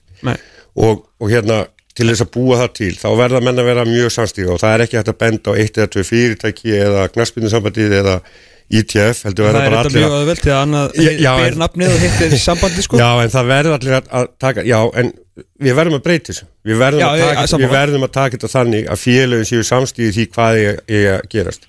Og ef, ef, að, ef að hérna þetta er kallað svona unique identity á, á hérna uh, markarsmálu ver, það verður að vera eitthvað identity á þessari deild Mhm. og það er það ekki í dag. Eina sem að er samiðilegt held ég að þú ferð á velli hérna í eftir deildinni að það er seldur hambúrgari á öllum völlunum, þú veist, that's it sko. Já, það er ekkert, er annað í gangi sem, að, sem að er hægt að segja að sé svona vörumerki deildarinnar. Heldur en hambúrgarinn? Nei, nei, ég meina, þú veist, og það er við náttúrulega ekkert gerum sko. okkar besta til að láta lifa á sitt identity sko í mat og það gekk í smástund svo bökkuðu bara allir í hambúrgar Ég veit en það. þeir eru reynda mörgur stöðum áttum mjög góðir Já, ég veit það, en ég, ég bara segja þetta er alveg það, sko. er ekkit svona identity á þessu En eru þið ekki og svo er, er líka eitt sem, að, sem að ég, ég, hérna, ég er mjög áhersamur um og, Já. og hérna, því ég hef nú komið inn á það líka og það eru stjörnur í íslensku að stjörnur í íslensku fótbolta eru bara, eða stjörnur í fótbolta almennt, eru þetta bara brand í sjálfu sér. -hmm. bara í fullta deildum að sjálfsögðu og meir sér í norsku deildinni og, og, og þessar stjörnur gera gríðarlega mikið fyrir bara að auðlýsa deildinar upp. Þetta bara þekkist ekki hér. Þetta bara þekkist ekki, við eigum enga svona stjörnu að mínu viti. Og ég held að eini ég nú sagt það á það sko, ég held að eini leikmaðurinn sem að hefur búið svona til eigi brand og verið bara einstakt svona brand í fótbolta í Íslandi er Margrét Lára. Ég man bara ekki eftir öðru sko sem er svona, þú veist, einstakt brand. Nei, nei, hún er algjörlega uník sko. Hún er algjörlega Adam Ægir uník, Pálsson er enda með logo á Instagram sínu sinni sem er Já, Hann er allan að reyna. Alveg að reyna, en, ég, ég, en veist, það þurfa allir líka að taka þátt í Já, þessu. Já. og þú veist, með vera að horfa fram hjá því að, að við komum til stjarni kannski einhverstaðar ekki í þínu liði. En, en það verður að, þetta hjálpar til Að sjálfsögðu Ég, algjörlega, mér finnst að ég bara velja skilur þá bara velja að við ætlum að keira á þessa þrjá Já. Við ætlum bara að þetta verður að stjórnur deildarinnar í sumar sko. mm. En eru þið ekki að fara þá inn í Þú veist, eru, þið eru auglustlega farin í reisastóran metur Það sem að, að því að gleymi því ekki að náttúrulega nýr samningur er að byrja Já, uh, Nýr sjónsamningur já. á næsta ári Nýr sjónsamningur uh, Markarsréttindin eru hjá ykkur skiluru Og þetta er kannski svona smá rístart líka Vonustu þess að þessi veira svona allan að fari einhvern veginn að kveða okkur? Eh, að því sögðu náttúrulega höfum við mæta á leiki en það hefur ekki verið gert. Uh, Nýr samningur, ný já, Tvískipt í endan já, Það ekki? jú Varstu að dæsa að þú vilt Já, ekki sjá það að nei, það er að því að, sko, er, það er það sem að, það stefnir í með yfirlýsingarna hrjá félagunum, sko Ok, höldum okkur allan bara við það að það, allan, þú veist, Já. það, er, það er breyting á deildinni Já. þú veist, það er svona svolítið nýtt uppaf bara, þú veist, nýr sjónsamningur og allt í góðu Já. Mér þarf ekki bara, þú veist segjum að, við getum verið að koma inn í ég meina Pepsi Max er vantala átt ekki núna ef þetta er síðast árið Já, meina já, ég. þetta er síðast ári Já. Þannig að við komum bara inn í veist, bara breyta heimsmynd og allt það Já, það væri, það væri draumurinn Það verður draumurinn, já. Já. Ég meina, þú veist, þarf ekki bara að ráða eitthvað þú veist, bara ölsingafyrirtæki, eitthvað bara til þess að rýbranda þetta frá grunni Jú. bara nýja liti, bara, Algjörlega. þú veist, og emitt, fara í svona, velja Jú. þrjá stelpur, þrjá stráka, þú veist, og keira á þetta bara með, þú veist, og bara endur bara endur gera efstu del sem brand Algjörlega, og við, við þurfum ekkert að eitthvað sérstaklega að finna bjólið í því því að Nei, þetta er búið að gera þetta út um allt sko og við þurfum bara að kópera það svona nokkur nögin, Mhm. heimfæra það upp á okkur það er búið að gera þetta í Noregi með góðum árangur, það er búið að gera þetta út um allt. Og við þurfum bara að taka þetta inn til okkar og við verðum að, að hérna svona hvert og eitt félag verður að, að kannski horfa aðeins út fyrir eigin kassa sko oft á tíðum til þess að, að hérna, því að þetta tekur tíma þetta, tekur, þetta er ekki, tekur ekki eitt eða tvö ár, þetta tekur lengri tíma.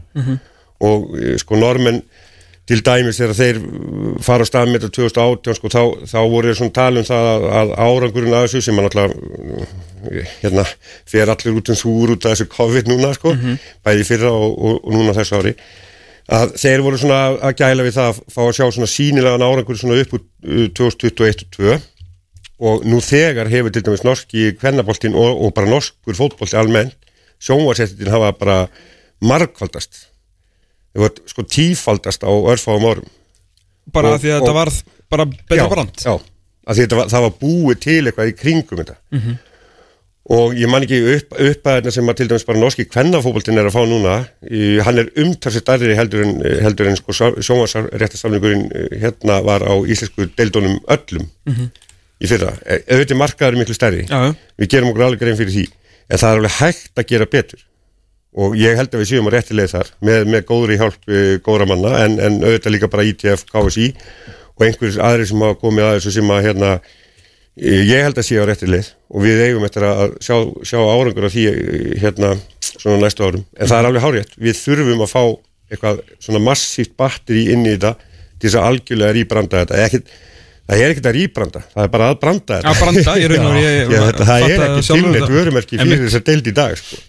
Nei og þú veist bara einmitt, þú veist miðlaðan höpp ég meina þú veist Elvar spurði mig um daginn hérna uh, að því ég var að minnast á stóðsengarnar hérna í deildinni. Já. þú veist hver var í hérna stóðsendingahestur? Já, það er ekki hægt að sjá það sko. Nei, nei. Nei, þú veist, það, það er fullt af atriðum sem þarf að, þarf að vinna með og, og hérna, ég held að þið, þið sáu nú hérna á sínum tíma þetta, þetta verkefni hérna hjá Normanunum sko. Uh, fantasy-deldin sem að veist, menn reiknuðu með að væru þeir fengju kannski 15-20 spilara og, og þeir voru konir yfir 100.000 bara árið viss af veit og ekki bara í Nóri heldur út um allt. Og þetta auðlisir allt saman de- deildina. Þetta eikuverðmættinnar og auðvelda sölu á öllum réttundum þeirra framisækir og við eigum að fara sömu leið Ég með það er alltaf búið að leggja grunninn að bara kaupa þetta frá eðbyrtakongnum og hérna. Já, já, ég, ég meina, þú veist, auðvitað við eigum að nota auðvitað það sem til er en við verðum að gera meir úr því, sko. Já, sjálfsög, og það sjálfsög eru heilu sjónvarsþættir um fantasy lík í, í tildavísu Nóri ég Já. nefni alltaf Nóri bara því að ég er með það fyrir frá mig. Já, já, já og, og hérna, þú Er veist, það bara heilu fínt, sjónvar- er sjónvarsþættir líka að bara líta til Noregs þegar, meðan liðin þar að slátra okkur í Európa-kjöfnum sko. Jú, ég held að það sé ágætt allavega En var, var hérna, að því það voru svona efasendamenn sem eitt eftir að við vorum að hrósa hérna normönnum og það var alltaf einhverju sem að hérna fóru hérna reyðu fram á reyðvöllina á Twitter og það var allt svo ómögulegt með þetta norska dæmi að þeir fengur líka ekki með, að vera með í umræðinu sko Já. að hérna það var eins og á fyrsta árun eftir þetta þá var, þú veist, attendance drop skilur, það voru færri, þú veist, það munaði ekkert miklu Nei. en það fór ekki upp Nei. en þeir voru alltaf bæði að það ekki normenn er að reyna að fá, að fá fleira völlin segir sjálft, en þeir voru líka alltaf að reyna að yngja þetta Já, og það er, það er það sem að tókst hjá þeim bara á, tveimur árum að þeir, uh, hérna, þeir sem að mæta á völlinu voru, það var yngri aldursópur mm. og, og það er, það var, það var í sjálfur sér fyrsta markmiði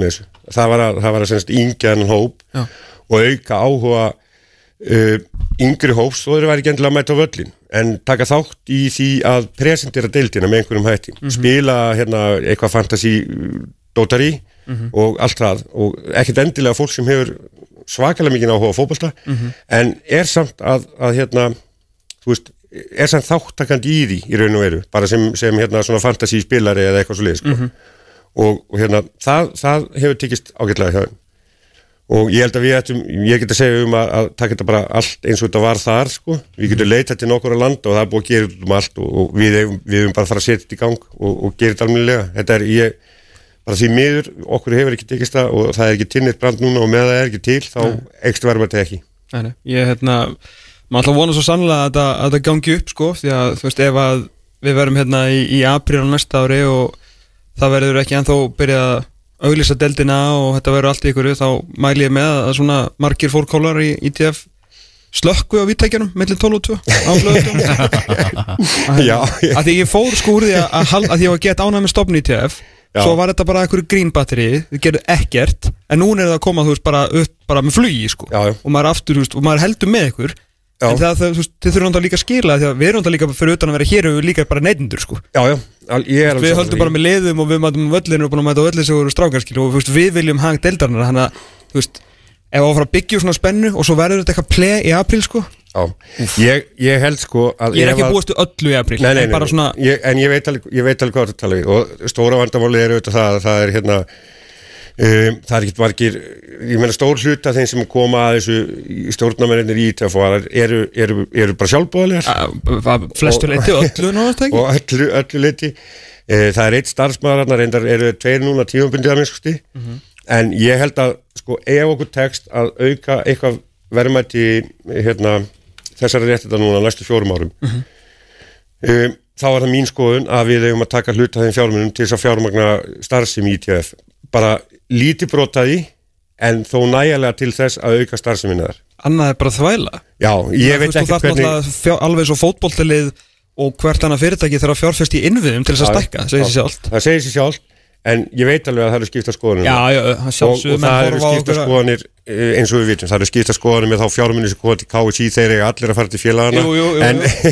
og, og ég er alveg einn af þeim sem tala fyrir því sko, já, því á þeim að halda.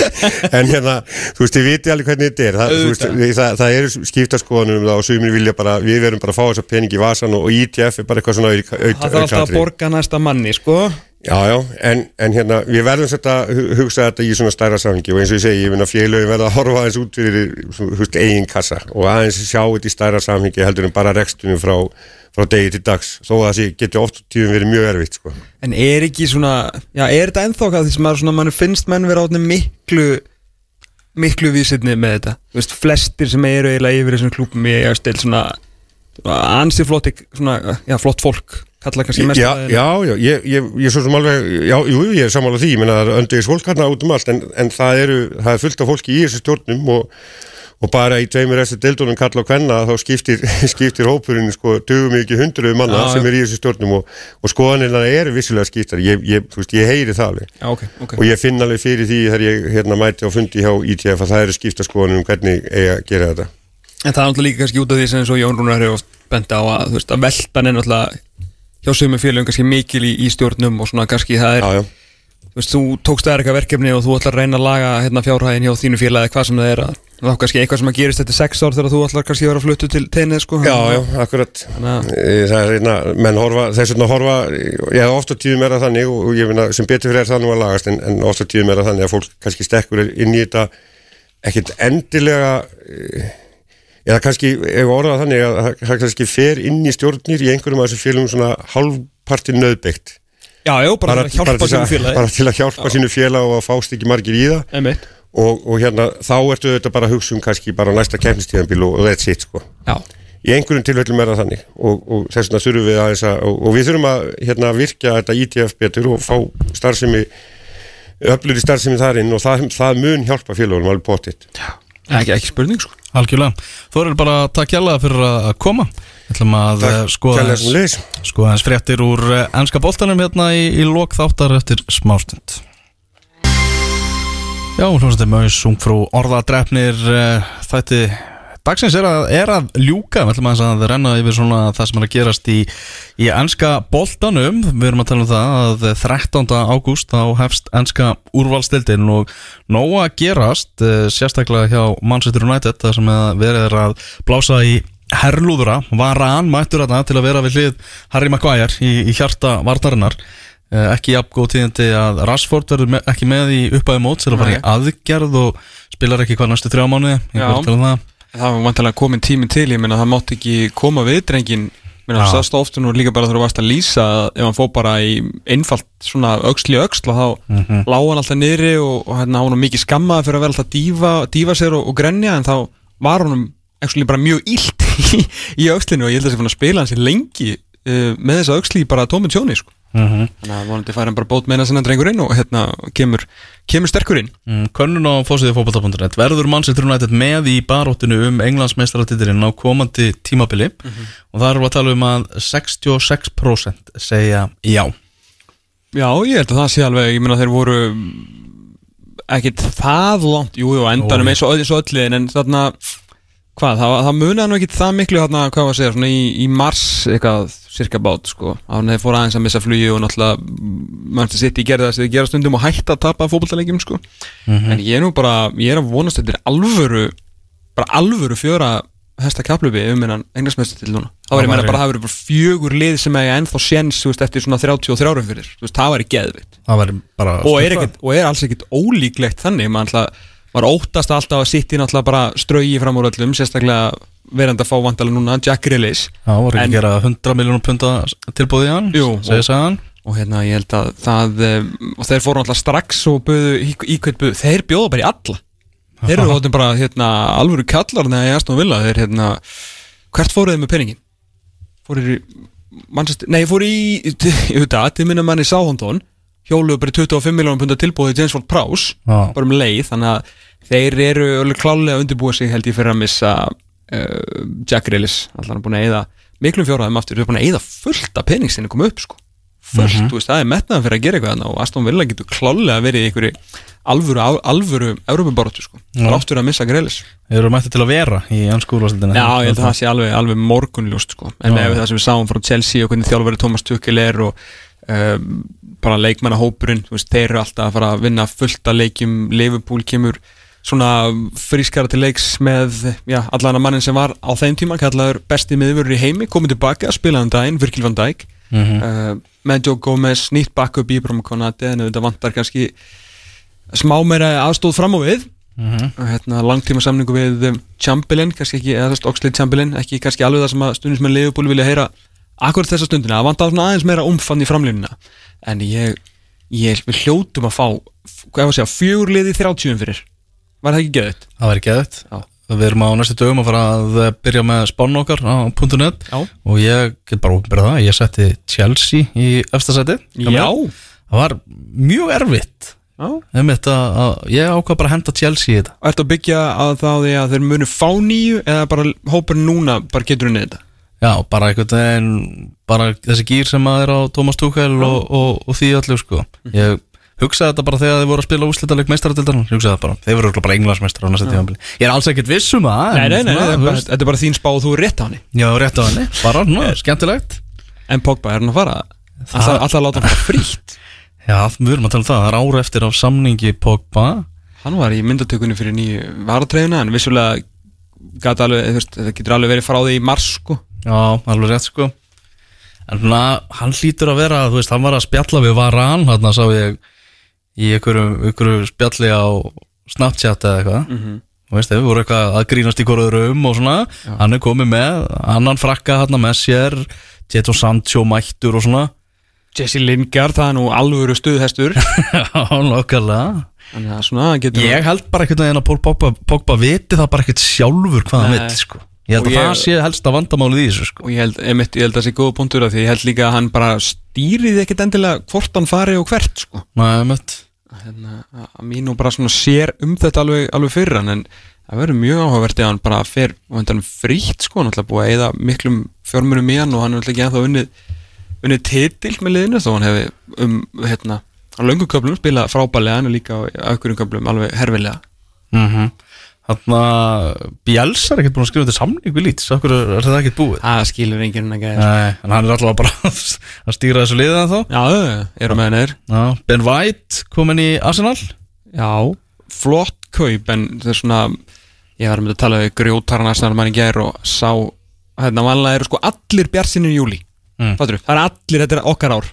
Já, Herru, sko, hann var bara hann stressaður. Eða svona bara leið illa fyrir tímabilina þá eftir að losa svo mikið af svona að dauðum við úr þessu, úr þessu liði og hérna kaupin svona, það er búið að kaupa hvað? Vara bakvörð fyrir Tierney, núna Tavares. Mhm. um, hann hérna Lokonga, hann það ekki? Þarna miðumæðurinn frá Andilegt Mhm. veist, það er framtíðaleikmaður ég held að það séu, ég held að það verði ekkert minn en frábær kaup fyrir Arsenal. En hvort hann gerir þetta strax veit ég ekki alveg. En hann er flottur sko. Mhm. uh, Ben White klálega styrking í vörnuna. Ég held að hann verði bara automatist besti meður hjá þessu, hjá þessu liði en, en það veist betur má eftir það skjál og svo svo skrítið sko, þú ert að setja 50 miljonir í, í Ben White. Ef að Arsenal eyðir 40 miljonum punda í Aron Ramsdale í staðan fyrir að taka bara eitt ári við Ben Leno er ekki frábær. Hann er valla mjög góður en hann er góður. Fattur? Mm veist, hann er ekki hörmung og hann getur átt góða leiki. Þannig að ég myndi ekki segja að það sé eitthvað eh, hérna það er ekki forgangsatrið að losa sig við Bent Leno þegar þú þarft aðeins að passa peningana en að því Arsenal er kannski alveg jafn fjórstert og kannski önnulíð hérna fyrir ofan sig eins og staðan er akkurat núna með eiganda sem kannski vill ekkit eigðu miklu. En að það fara að setja 90 miljonir í Ben White og Aron veist, Ben White flott, það er framtíð. Mm. en 40 miljonir punda í Aron Ramsdale sem hún að falla tvisur röð þá get ég ekki hjálpað þeim sko. Skilur, veist, það, það hlýtur að verða að taka eitt ár á Bent Leno á kassan og setja 40 miljonir í einhvern leikmann sem er að fara að hjálpa þér Mhm. ég bara, ég trú ekki að það sé að fara að gerast hann, hann getur ekkert sko. Það er þannig sko veist, hann getur varið fullt af skotum en veist, það er, Það er- er Hannes Þór Halldórsson getur líka varið fullt af skotum hann er ekki að fara í Arsenal sko. Mhm. þú veist, þú þarf alvöru, alvöru markvörð og bara skáti þetta aðeins betur, stútir þetta aðeins betur og mæti með eitthvað, eitthvað wallbeater eftir árin eða þessum 40 miljónum í eitthvað eitthvað, útispillara sko. það er sárlega vantar því við þurfum Arsenal í toppártinu sko. eða þú veist, í, í eitthvað alvöru baráttu menn þetta er þriði stærsti hópurinn á Íslandi Það er nefnilega þannig það er bara þannig. Hefur stóra fréttir uh, úr uh, fyrir okkur Íslandinga í telsku aðildinni í gær. Landslismadurinn Arnór Sigursson komin til Venetia á láni frá Senska Mósku Þannig að hann verður í ítölsku aðildinni þetta er búið að skipta um tungumál í klefanum það er bara tala íslenska og svona ítalska til spari eða? Já, verðist vera. Er þeir ekki fjórir? Jú, það eru fjórir Íslandingar eh, Er það ekki, já, jú, jú, einmitt. Óttar Magnús og, og Bjarki Steit með, með aðaliðinu Svo er eh, Jakob Frans Pálsson fór á láni til félagsins frá Þóri í februar Já. Og þá var Valur náttúrulega að lána Kristoffer Jónsson á dögunum. Þannig að við erum að tala um Já, og svo er verið að tala um Hilmir Rapp Mikalsson Að eh, hann sé á leiðinu þarna líka. Þannig að þetta þú varst að búin að telja fimm? Þá eru konum með sex. Já, sex ef hann fyrr. Já, Ég skal segja það. Ég var einmitt að rúleikunum grammi hjá hérna, Boy Wonder hérna, í gær hjá Óttar Magnúsi. Kom eitthvað upp í er og ég bara úff, hvað er fínt að búa í, í feinheim sko.